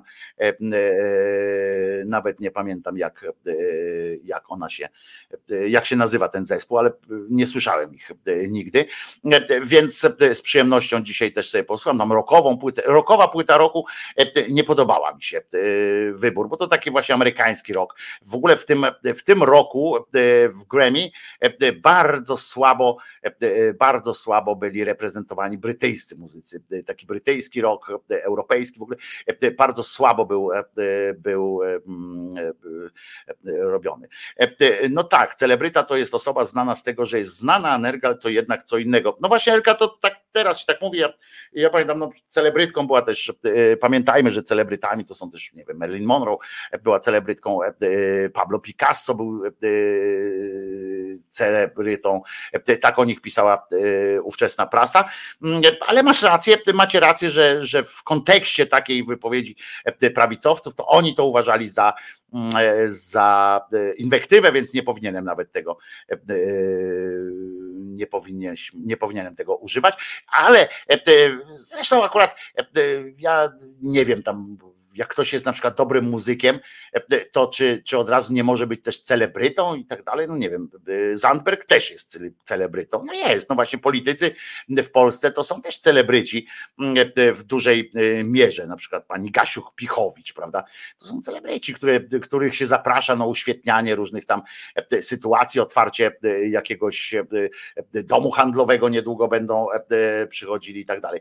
Pani Taylor Swift pisze się Taylor Swift, tak jak Swift przez, przez o tu ktoś napisał, Eugen napisał, proszę bardzo, Taylor, Taylor Swift, więc, więc tak się to pisze, jak będziecie chcieli sobie poszukać, to proszę bardzo. I nie, oszukuj, nie oszukujcie cię. E, e, Nergal też jest celebrytą, nie też mu woda sodowa e, waliła w związku z kryzysem wieku średniego, jak mnie mam. Nie, no to on, wiesz, wiecie, on do świata celebrytów akurat Nergal zapukał dosyć głośno, nie płytami Behemota. Ja pamiętam kiedyś byłem na koncercie Behemota, to jeszcze wcześniej, bo, bo on tutejszy chłopak z Trójmiasta, tutaj grali tam w Spatifie i tak dalej, różne imprezy i się robiło i, i też poszedłem na jakiś koncert koncert taki był e, w Sopocie, czy w Gdańsku, to było, nie pamiętam. E, strasznie mi się to nie podobało, bo ja nie lubię takiej, takiej agresywnej muzyki. E, natomiast, a co ona robi? Piosenkarką jest pani Taylor Swift. No, nagrodę za płytę roku dostała, no to, no to co? Wy, wypowiedzi tam umieściła piosenkarką Taylor Swift. Od lat wie zresztą. I powiem wam, że powiem wam, że o tych celebrytach tamten, że on, no jak z tą Dodą, tak? On się tam z Dodą zaczął prowadzać, e, narzeczeństwem byli, no i wtedy tak wkroczył w świat tych właśnie celebrytów. Dla, jeżeli ktoś mówi, że e, celebryci to są ludzie znani z tego, że są znani, no to dla większości tego społeczeństwa, zresztą chyba każdego społeczeństwa, bo e, Behemoth oczywiście jest zespołem bardzo znanym, ale w niszowej takiej był wtedy w niszowej takiej grupie tych e, e, black metalowców, czy trash metalowców, czy no metalowców w każdym razie, e, był znany ten zespół na całym świecie, tylko że ta nisza oczywiście, jeżeli ją zrobisz światową, a nie tylko wewnątrz Polską, tylko światową, on był w tej niszy, ale światowej, no to to już są grube, grube ilości płyt i liczby płyt sprzedanych i tak dalej, ale mm, on, ale popularność zdobył w Polsce, no jednak dzięki Dodzie taką popularność, wiecie, taką popularność uliczną. I dla wielu osób on był znany z tego, że był znany wyłącznie z tego, że był chłopakiem, też był chłopakiem Dody. Nie? Dla, dla większości Polaków, śmiem tak przypuszczać, to jest moje takie przypuszczenie, że dla większości Polaków znających Nergala, to on był chłopakiem Dody. Później tam posłuchano i tak dalej, i tak dalej. Więc więc wiecie, to, to też jest takie płynne takie nazywanie właśnie celebrytami czy, czy nie celebrytami. E, dzisiaj już, e, czy widzieliście portret Dudy w Kenii? Nie, nie widziałem portretu Dudy w Kenii. Jakoś nie, nie pragnąłem strasznie w ogóle śledzić tego Dudy w Kenii. Kończymy na dziś. Miałem jeszcze jeden temat. Miałem przygotowany, ale dłużej niż to jest potrzebne, zajmowałem się męskim napletem. A przecież święto napleta jest w styczniu i a dzisiaj trochę o tym męskim naplecie, niepotrzebnie zupełnie. Natomiast, natomiast jutro w takim razie ten akurat temacik poruszę. Pamiętajcie, że Jezus nie zmartwychwstał, a ja się nazywam Wojtko Krzyżaniak, jestem głosem szczerej słowiańskiej szydery i jeśli możecie, będę zobowiązany, jeżeli weźmiecie pod uwagę dołożenie się do pensji Krzyżaniaka. Wszystkie szczegóły możliwości, jak to zrobić, znajdziecie w opisie każdego z odcinków tego filmu będę zobowiązany, bo tak jak powiedziałem, to jest moja praca. Jeżeli ktoś się zastanawia, co to za praca, że siedzisz i gadasz do mikrofonu, no to przypominam, że ludzie w telewizjach, w radiach różnych i tak dalej też dostają pieniądze i to normalnie im się należy za to, że, że opowiadają coś tam w telewizji czy w radiu, puszczają piosenki na przykład, ale a ja robię to, co to, co uważam, że jest niezłe i, i w najlepszym, w poczuciu takiej najlepiej e, możliwie wykonywanej roboty e, dla Was. Jeżeli, jeżeli uważacie, że spełniam te warunki, takiego dobrego pracownika, to pomyślcie o tym, czy warto dołożyć się do pensji Krzyżaniaka, żeby miał poczucie jakiegoś takiego spokoju materialnego, który, który jest dla mnie akurat w życiu bardzo ważny. E, e, przypominam, że Jezus nie zmartwychwstał i nie ma co się, e, nie ma co się dziwić, bo, bo to generalnie nie jest ludzką rzeczą tak sobie, tak sobie zmartwychwstawać. A na koniec posłuchamy piosenki, która która a dołączę po prostu te, tą piosenką tego naszego trio, takiego wiecie, gdzie było mm, Deep Purple, Black Sabbath i Led Zeppelin, prawda? No więc teraz Led Zeppelin. A po piosence oczywiście wyznanie niewiary. Nara, dzisiaj jest wtorek, szósty dzień lutego 2024 roku.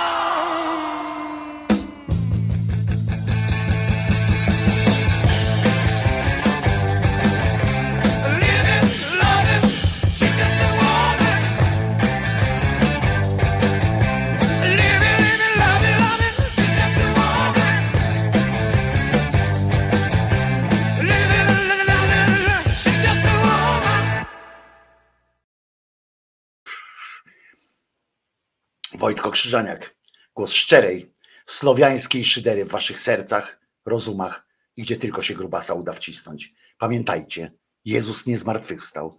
Maryjka nie zawsze była dziewicą, a Mahomet nigdzie kurwa nie uleciał, bo to banstwo był. Do usłyszenia jutro o godzinie 10.